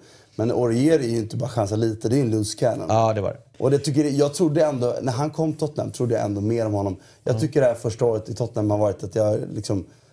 Herregud, han blev ju inte prövad alls i PSG. För jag tyckte PSG att han inte riktigt... Men det är jag bara säga en grej om Sanchez? Jag ser alla de kvaliteterna han har. Han har snabbheten, han har spänst och allt möjligt. Så här. Jag stör mig på att han, att han, slarv, alltså han, Mm. är, han är slarvig i det han gör. Han är inte noggrann i, liksom, i sitt spel. Och Nej, om man pratar så här, jättebra mittbackar. Om man då tar, ställer honom, nu är, givetvis en taskig jämförelse, men ta Puyol som aldrig fuskade i någonting. Alltså vet du så här, han var mycket mer teknisk än vad han visade upp när han spelade. Men han Verkligen. fattade sin roll på planen. Han var där i första hand för att försvara. Sanchez för mig kan få för sig att stötbryta och gå helt bort sig och öppna jättestora hål bakom sig. Och så länge han liksom inte stökar, eller städar bort de grejerna så kommer jag alltid ha liksom, nej, där har Tottenham en potentiellt liksom så här, en svaghet i sitt försvarsspel. Och så kommer det alltid vara. Men det är ju så att Toby så- Alderweireld Ja. är ju... Det är inte alls omöjligt att han startar bredvid Nej, sin gamla och jag kompis tycker att Vertongen det ser mot bättre Juventus. ut när Fertongen och Toby spelar tillsammans. Ja, det är men- mer stabilt. Men, men med Sanchez så får de en snabbhet. Snabbheten, och det är det För det är som- det som blir med de två spelar. Jag hoppas de spelar för Juventus skull. För de två kommer att såra bakom på ett annat sätt. Och det är det jag säger De är bättre med boll bara två. De är bättre i sin värdering framförallt. Men Sanchez är ett bra komplement till Fertongen, tycker jag ju. Han är, jag säga, Pochettino har ju tänkt, Sanchez är ju, var ju tänkt som... När vi köpte honom, det var då vi kunde skapa, eh, börja spela trebackslinje. Alltså, då är det Fertongen, Alderweireld och Sanchez. Och de tre ihop är jätte, jättebra.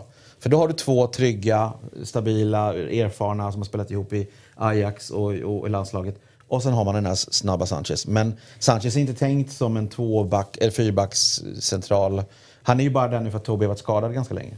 För det, är det, säga, för det är det ändå man såg i matchen mot Juventus också. De gångerna, i början av matchen framförallt, när Juventus kunde sticka in bak, bollar bakom eh, Fertongen, så var ju Sanchez där. Och liksom det är hans snabbhet. Sen så kunde jag sitta liksom så här, bara en enkel passning som liksom så här, sätt den på ytan framför din, din ytterback så han kan ta med sig bollen i fart. Då är han lite slarvig i det, ungefär som att liksom bara vet, skickar iväg den till honom. Alltså så här små detaljer som jag kan sitta hemma och bli irriterad över. som- är så här ABC och lite grann. Och jag brukar alltid, liksom, när, när folk hyllar folk så jävla mycket, så brukar jag alltid tänka på Puyol. För mig är det liksom så här, det är, det är en kille som hela tiden fattade, vad- fatt, och han kunde också, alltså han stötte också upp emellanåt. Han kunde läsa spel, han visste, han kunde värdera när han skulle göra det. När han skulle falla, han var snabb, han kunde göra alltihopa. Men han var alltid noggrann Men med vad frågan han är gjorde. om han var det när han var 21. Alltså, det vet, jag vet inte. Nej men jag bara- menar så här, att det är en jag vill inte jämföra på också. det sättet men så här, det är sådana grejer som jag ser. Och sen tycker jag liksom, ni får, ni blir lite lidande i uppspelsfasen med Sanchez på planen, men ni vinner i snabbhet. Mm. Så att jag, jag tycker det ser bättre ut i Tottenham när Alder och eh, Fertongen eh, Ja. Det ska bli spännande att se returen nu då med Juventus lite nya skador och eh, fast Dybala tillbaka. Alltså Och det det- slår ju åt båda hållen. på det det, är sätt- ju spelare, redan spelare alltså, som har varit skadade som kan hinna tillbaka. Så det finns ju en sån aspekt. Men det, det, det, och, eh, pratade vi om de två skadorna igår, så jag tycker Bernadeschi var väldigt bra, men där finns det så många alternativ. Så där tycker jag inte det är en fara om han är borta. Där har det mycket värre om Higuain har varit borta. Givet att Mandzukic visserligen kan spela nia, men Han, var bara, inf- han har influensa så han kan ju spela. Han kan och han spela. kan ju lira där Higuain spelar också. Ja, Men Higuain är, är den enda typen de har som verkligen är bra i det här djupetsspelet som jag ändå tror man det man ska Jag hota tror ändå att han är tillbaka till Spurs-matchen. Så det är, Bernadeschi klarar de sig utan, för där kan de spela fyra olika andra spelare. Och jag tror Douglas Costa dessutom är bättre mot den typen av motstånd. Bernadeschi är bättre med boll i värdering, och så kloka fotbollsspelare. Men om Dybala är tillbaka till returmötet, kommer både han och Higuain att spela eh, då? Tror jag. Jag skulle kunna tänka mig att de spelar, jag tror inte Dybala är klar att spela 90 minuter, men ett alternativ varit att spela, för jag tycker absolut att de inte får frångå tre centrala mittfältare. Och det är den viktigaste spelaren tillbaka, det är ju Matuidi. Ja, och det är väl sagt att han också faktiskt kanske kommer att vara tillbaka. Ja, och, då, och då spelar sådana fall, jag ju välja att spela om Dybala är frisk med Dybala och Costa och de med Higuain och skippa Mandzukic till exempel. Eller skippa, då, vilket jag tror att han gör, skippa Dybala och spela Mandzukic Och och så länge Allegri håller på och mobbar ut Marquisio från det här laget. Han är skadad. Out, nej. Jo, han- bänken senast. Ja, han var- hade ju känning. Ah, han kan lira. Han, han är utmobbad ju. Och sen så satte han eh, Buffon på bänken till den här matchen också. Idiotiskt. Eh, Det kändes väldigt konstigt, Buffon jag. ska ju spela. Antingen det är ju spelar hans man grej. Han har alltid Jag börjar känna att tvärtom. Jo, Nej, men... men vadå? han, är, Då ska han inte spela mot Spurs Han var heller då. skadad tidigare. Nej, det skulle han inte ha gjort. Nej, men alltså nästa match. Alltså, antingen, man kan inte hålla på Nej, men han var ju varannan skadad och kom med tillbaka. målvakten. Han måste spela matcher nu, om det är det de vill. Eh, liksom så. Ah, ja, så kan det vara. Vi, vi, vet, tiden springer iväg och vi har Ja, pratat så dra. jävla mycket och så. Men vi har Tyskland. Vi måste ta oss till Tyskland och prata lite grann. Därför det var match i Hamburg och det var Hamburg mot Leverkusen. Det var derby, får man ändå säga, Ruhr-derby där nere. Eh, som vi ska ta. Och Quaison, bam, bam, två mål mot, eh, eh, mot Hertha Berlin. eh, snyggt. Quaison alltså. Så att Tyskland. Och med i året i La Gazettans veckoelva. Ja, visst. Europaelva. Det kom ingen bumper.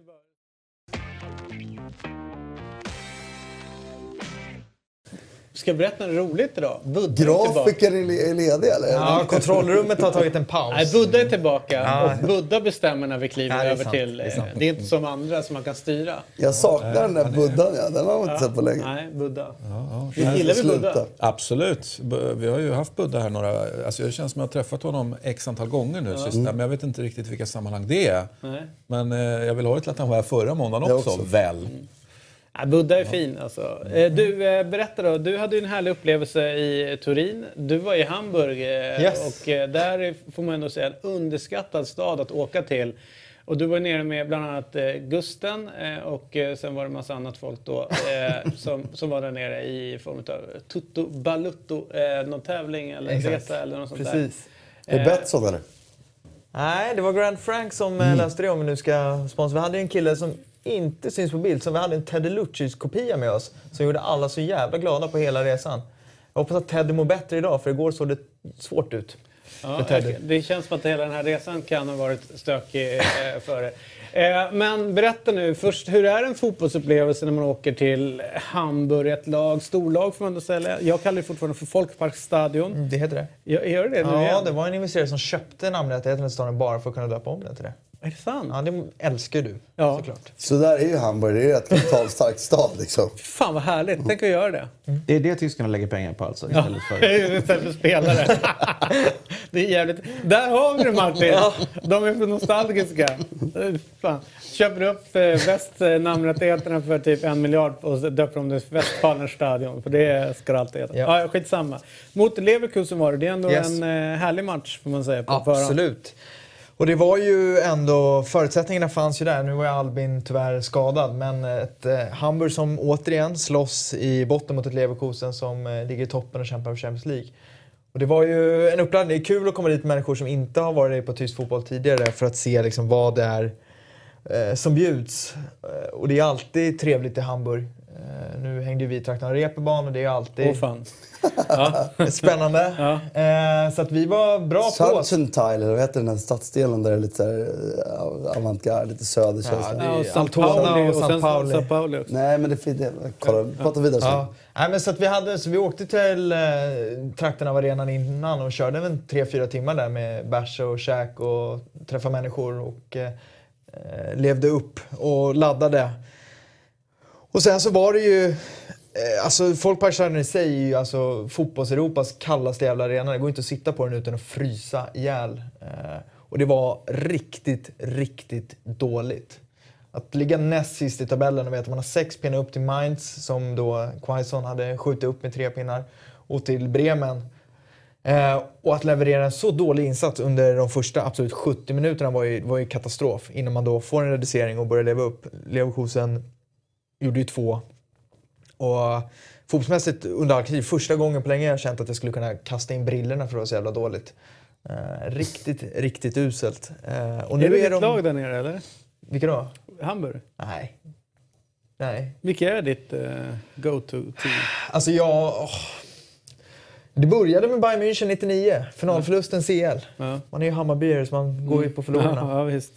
Eh, och på den vägen var det. Idag så... Nej, det är ju Bayern jag följer. Om det har varit så. Och så Mm. är det med känslan. Men, men nej, det var dåligt och nu är Hamburg verkligen ute i en, i en riktigt prekär situation. Med, nu är det ju 11 omgångar kvar, men de har Mainz och Bremen de kommande två. Bremen nästa vecka och Mainz efter. Och det är ju... Bremen, vilket derby. Tar de inte minst en tre i dem, då, är det ju, då, är, då måste de ryka. Nu måste det vara dags. Och det är nog på tiden att de faktiskt gör det. det är, Det var riktigt, riktigt dåligt alltså. De har varit nära att ryka flera säsonger. Ja, de har ju Ja, kvalat ju med kvalat, precis. Ja, precis. Kvalat- Kvalat, förra året var det väl? Ja, Förra- förra, förra året överlevde de i sista, då slog de i Wolfsburg så Wolfsburg fick kvala. Så var det ja. Och, Och med, så- eh, med eh, Ljungberg då som ASS-tränare som nu har kicken då. Ja, Och, hans tränarkarriär. Det var ett tag sedan de spelade fina Europacup-finaler mot IFK Göteborg. Ja. Ja, men så var det ju. Det, det som är lite intressant tycker jag när man eh, kollar igenom är ju att eh, lite grann det vi berörde tidigare, det är ju hur, liksom, hur lag hur fluktuerar. Liksom, så här, att Hertha då under två säsonger nu i rad har varit ett, ett relativt topplag. Eh, och säsongen innan det, eh, så om de var nykomlingar eller att de liksom var nere i botten, det är ju så här varannan årslag. Ja. Eh, och eh, sen Freiburg låg högre upp förra året och det var lite grann en överraskning, faller tillbaka nu. Eh, Mönchengladbach såg väl bättre ut förra året än vad de gör i, Alltså bättre i ut år. framförallt under hösten nu. Nu har de ju tappat väldigt mycket på vårkanten. Faller tillbaka liksom. Så det är ju väldigt mycket det här utsmetade, liksom, eh, lite mer demokratiska då, får man säga. Gör ju att det är en spännande liga och ändå rätt roligt att det kan hända saker. Absolut. Eh, Men det som egentligen varit konstant över de senaste åren det är ju Hamburgs kräft- kräftgång och att Bayern München vinner. Ja, och det som är i fallet här är ju att Hamburg är ju troligtvis sämre än vad de någonsin har varit. Det finns verkligen minimalt med kvalitet och att Bayern är också sämre än vad de någonsin har varit och ändå kan springa iväg och leda med 19 poäng. Mm. Men du, eh, Är de verkligen sämre än Bayern då? Jag vet inte. Jag bara är, jag upplever dem som en svagare version än vad de har varit tidigare säsonger. Det måste jag säga. Nu vinner de ju helgen med 2-1 mot Wolfsburg med nöden näppen och gör mål på straffen i 91. Uh, och sådär. Men det, det, blir det är otroligt spännande att se vad Bayern kommer lösa i Champions League. När de ställs mot de riktigt stora. De har ju ändå bra utgångsläge i ligan för att kunna liksom fokusera på de här... Absolut. Nu är det ju Besiktas som man bara ska köra över. Eh, men eh, det blir spännande att se om de klarar det. Turkar ska vara i München. Ja, det kommer vara drag. Coolt alltså. Riktigt eh, drag. Men, vi gå på det är den ju- ma- matchen? Jag skulle säga Becher. Jag kan åka till Berlin och göra andra grejer. Eller München menar jag. Men du, eh, om man... Eh, vi har varit inne på det rätt många gånger. Vore det inte bra om de bara rasar ut då och liksom får en nystart? Nu, det, det finns någonting här. Sternchance heter det visst. Ja, förlåt. Ja, förlåt. Annars är ju San Pauli en av. Det är lite mer eh, alternativt. Och, Ja, det är det, Både laget det är gamla alternativ. Det här var lite hippare, nyare alternativ. All right. Där är ju, det här är San kanske... Pauli är för mycket Hornstull nu. Det är, Det det? Ja, med eh, surdeg och, ja, det är för mycket surdeg och...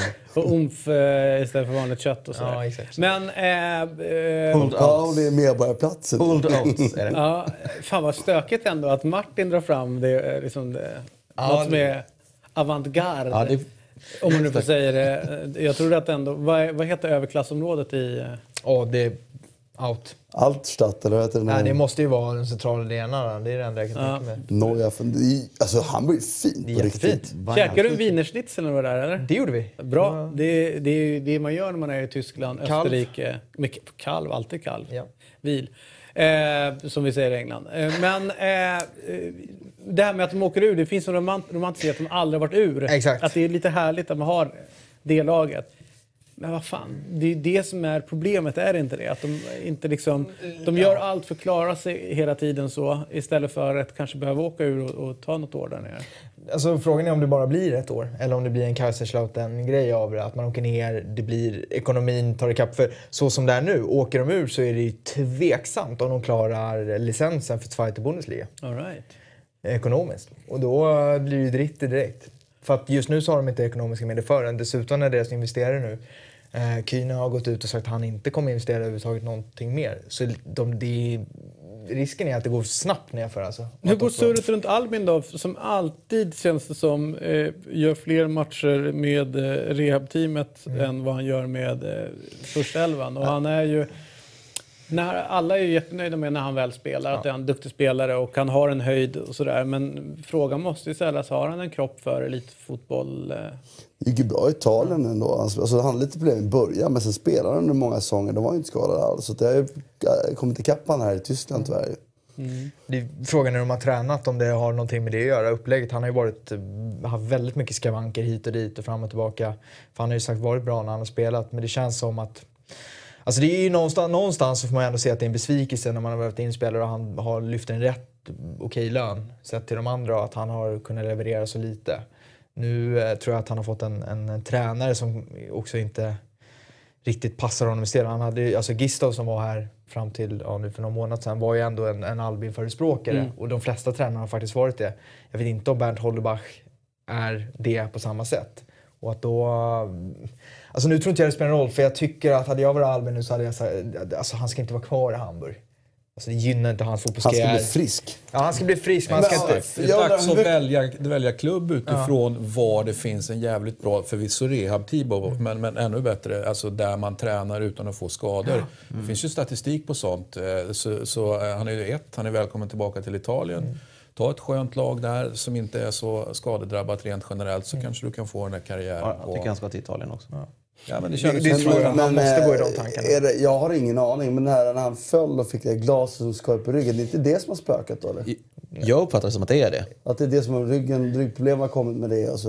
Nej, Det är inte tror så inte. jag har tror tolkat inte- det. inte- Jag har ingen aning. Det har varit mycket Så var det ju i alla fall då när han blev alltså. skadad i Italien. Ju.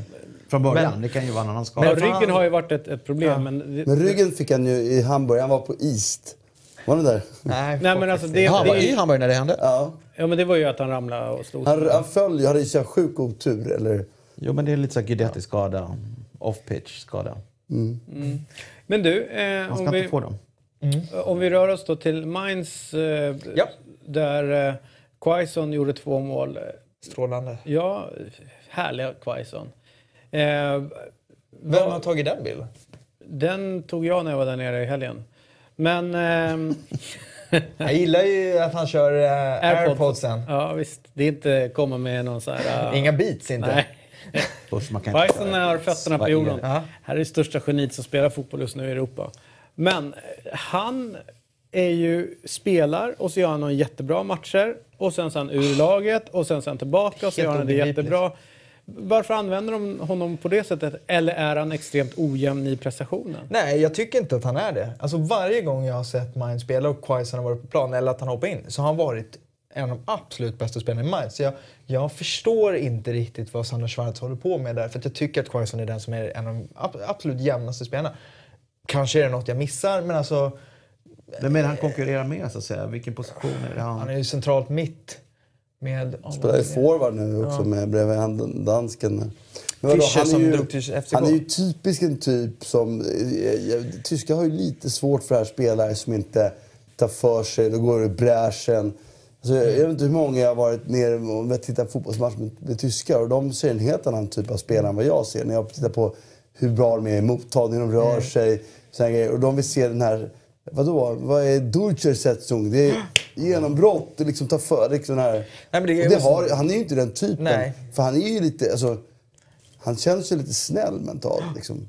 För så tycker jag var problemet i Italien också. Att han var ju vissa aktioner briljant och så, så försvinner han liksom ur spelet lite. Han kan ha ett kroppsspråk emellanåt som inte är Och det är sånt, sånt här är Så. tyskar. Du vet hur tyskar är liksom.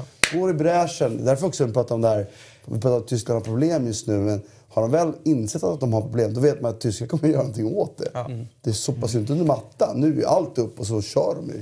Men han- det är lite den attityden som han kanske... Nu spekulerar jag Ja, bara, nej, men det kan absolut känner vara du. Robin, känner du också en typ som är inte riktigt är den liksom... Världens snällaste, det är han ju.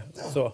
Och, och eh, det, det är en del som säger om man verkligen ska nå toppen. Nu är Harry Kane ett dåligt exempel men många av de som blir, snarare. blir bäst, de har ju någon, någon, liksom, någon en, en gen Ja, utav att elak. vara ett svin liksom, eller elak och sådär liksom, med lite armbågar och sådär. Men Robin är ju en bussig, bussig kille liksom. Så. Vad får in det på Messi någonstans då? Vad sa du? Att? Ja, men han är ju Han är elak som fan. utan robot. Det är, väl, det, är det inte det som är Ja, grejen med honom? Att man tror, vi Vad jag, hör, vad jag har hört om honom så är det Att att han han, är har ju en, en, en aura utåt. Så, men att han, eh, om det är någon, han har, om, någon, om Ronaldo skriver på ett kontrakt någonstans som har så här mycket, då ska han ha mer. Liksom. Alltså han, Det är väl rimligt? jo, jo, men det är väl klart att han har ju någonting som är... Han har eh, dikterat villkoren i ja. Barcelona sedan han var liten. Men, eh, men skitsamma. Mainz, vad, vad tror du? Kommer de fixa det här? För att de har ju balanserat nu. Det är andra året Ja. nu de är där nere och balanserar på. Det blir spännande att se. Alltså, kvalplatsen ligger ju... De är en av huvudkandidaterna till att ta den. Och det är sagt, de här veckorna som kommer nu när de har Hamburg så det vore ju skönt för deras del att hänga av Hamburg helt och hållet. Eh, och veta att okej, nu, är det, nu slåss mot kvalet. Men Hamburg har alltså Mainz Bremen. Ja, de har ja, Bremen nu i helgen. Ja, och så Mainz. Och sen Mainz på det och det är de två som är närmast. Så det är ju, det är ju Och det är sex fantastiskt. upp, Ja. Och jag lovar att Mexen kommer trycka upp in de här jävla matcherna på Europatipset också. Så att man Är det Bremen hemma där borta? Ja, ha in Bremen! Bremen, borta. Bremen borta på Weserstadion. Så att det är Augustinsson, som, Augustinsson Är det och Quaison som ska skjuta ut eh, Albin i Ja, man känner eh, får ju så sjukt mycket beröm Ja. eh, där nere. I ett Bremen som torskade, var tio matcher en liten i höstas. Då, då spelade han på liksom och fick inte, liksom, blev inte peka, utpekad som att du är problemet trots att han var ny, eh, ny i laget. Och det pratas nu om större upp... Men där snackar vi om mentalitet. Snacka om en kille som går in och bara tar för sig och äger och är superprofessionell. Alltså de älskar ju det. Alltså där har ju, han kommer ju inte vara kvar i, i Bremen om, han får hyfsa, om inte han själv känner att "Ja, men det här är ändå rätt plattform för mig en säsong till. Han har ju haft, han verkar vara väldigt minutiöst planerande i sina karriärsteg. Så det skulle inte förvåna mig om han har tänkt att "Nej, men det blir, förutsatt att de är kvar så blir det en säsong till. Det går hur bra som helst. Och, men har man den professionaliteten och den framtoningen som han har då, då blir man Då passar snabbt... man i ja. Tyskland. Men du, innan vi avslutar då. Mönchengladbach mot eh, Dortmund. Det är, det är två, på vårt lilla derbytema. då. Borussia. Ja. Ja, Mönchengladbach har ju tappat helt. Börjar bli lite småkrisvarning där eh, på, på tränarhåll att eh, försöka få till det. Eh, Dortmund ah, tycker att liksom, de ska göra sig av med Stöger till sommaren. Det vore ju katastrof om de behåller honom med sitt tänk som egentligen inte passar in i Dortmund. Alltså, det är ju liksom en defensiv tränare som, som inte är van vid att ha ett högoktanigt offensivt presslag som, som man förväntar sig att Dortmund är. Och det kommer bli problematiskt. Och Jag är inte övertygad om att Dortmund kommer hålla den där andra platsen. Det finns lag där bakom. Det ser skakigt ut. Fast Eh, han, Batshuayi har väl gjort väldigt bra Ja, Batshuayi har varit jättebra, men kolla på Atalanta när de kommer, kör, alltså kommer och kör nu på, på västfallen. Det är jobbigt för Dortmund då. Ja, det, den, den returen i Europa League är jag extremt Men spänd Atalanta på. fick stryk i slutminuterna. Ja, kors, torskade med 3-2, men De kom, med 2-1. tror att de har väldigt goda chanser att ta sig vidare i den. Eh, Så det blir spännande att se. Men, alltså, så det är spännande. men Mönchengladbach har ett par jobbiga veckor framför sig när de måste lite bestämma sig om de ska gå vidare med, med sin tränare eller om de ska säga av med Häcking och ta in något annat. För att där de ligger nu är ju inte vad de hade förväntat sig. Eh, utan de hade ju siktat på en Europa League-plats som sämst. Och nu eh, är det fem pinnar upp till Frankfurt som många på med Niko Kovac som tränare. Schalke, Leipzig, Leverkusen. Eh, Och Dortmund kommer ju hålla sig kvar där. Även om det kommer förändras hur det ser ut mellan de klubbarna såklart. Du, jag satt här och eh, det var någonting som jag skulle säga. Jo, det, det, det, någon grej som sticker ut här så är det ju att eh, Schalke då eh, har ju då gjort en uppryckning som du har pratat om i tio år. Eh, nu lägger de ändå med. Eh, storlag eh, och jävla häftigt ställe att åka och kolla fotboll. Rätt tråkig omgivning och sådär, stad, men det är rätt kul att vara där. Ja. Bra tryck. Men det sista jag ska säga eh, kring tyska ligan och Dortmund, det är ju att Hasse Backe pratar väldigt gott om tränaren som är i Dortmund nu. Ja, de för att han känner är varandra, va? extremt bra eh, med spelarna. Alltså att alla spelare som, som Ja, ja. har- att de verkligen gillar honom. Så, Det är han ju känd för. Samtidigt så ska du få resultat i slutändan och jag är tveksam till om Dortmund kommer kunna vinna någonting med eh, Peter Stöger som tränare. Alltså jättebra, gjorde det bra i Köln. Där förväntningarna, liksom, han fixade till defensiven och gick upp i Bundesliga. Var ju värdelös under hösten ska man ändå veta. Han lämnade när de hade tagit tre poäng på gud vet hur många omgångar. Och nu har han ju strukturerat upp ett Dortmund som hade problem. Har ju fått en lagsammanhållning men om han ska ta dem alltså, till nästa steg det har jag svårt att se alltså. Jag verkligen svårt att se.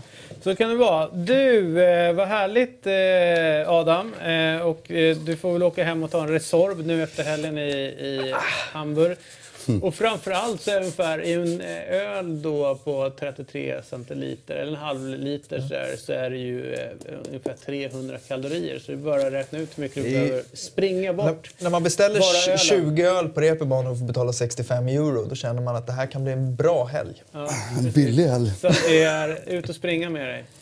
Eh, Europatipset har ni där, ställningen. Eh, det är ju eh, försvinnande, kan man säga så? Olidligt jämnt i toppen eh, med 223, 21 och 222.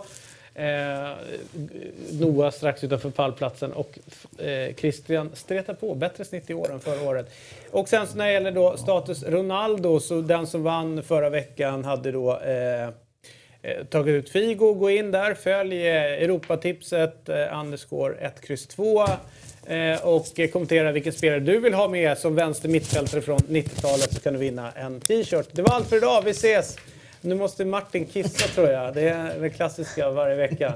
Också sjukt pissnödig. Ja, jag har väntat en och en halv timme. Mm. Det är en sån där grej som man ser till att fixa innan, eller? Ja, orutinerad. Ja, men det är lite... Det, man får programmera grejerna, Så. eller hur? Va? ja. Tur att man inte sitter med, med en prostata som är stökig. Då hade det varit ja. jobbigt. Eh, vad härligt. Eh, på torsdag så är det ju Eurotalk Weekend och sen så är topptipparna rullar på under veckan. Fantasyprogrammet eh, kör vi och eventuellt så håll utkik också i appen eh, så kommer vi dra igång ett eh, fotbollsquiz eh, här på FanTV. Så att det händer grejer hela tiden. När ni slaggar så jobbar vi, när ni är vakna så jobbar vi. Vi är eh, som en, eh, vad fan heter det, som en jävla... Det ordet du söker, fast som du inte visste att du sökte, är ju staccanovista. Så brukar man alltid kalla den spelar hela tiden. Det vill säga, det är ju... Det har att göra med politik, kommunistisk politik. Du vet de här superarbetarna borta i, i, i Ryssland. Sovjetunionen hette det på den tiden. Mm. Stakhanov hette han ju då rimligtvis. Aha. Och då kan man vara stakhanovista. Och det var väl det du ville komma? Ja. Vi är som vattenbärare i era liv. Vi ses om en vecka. Hej då!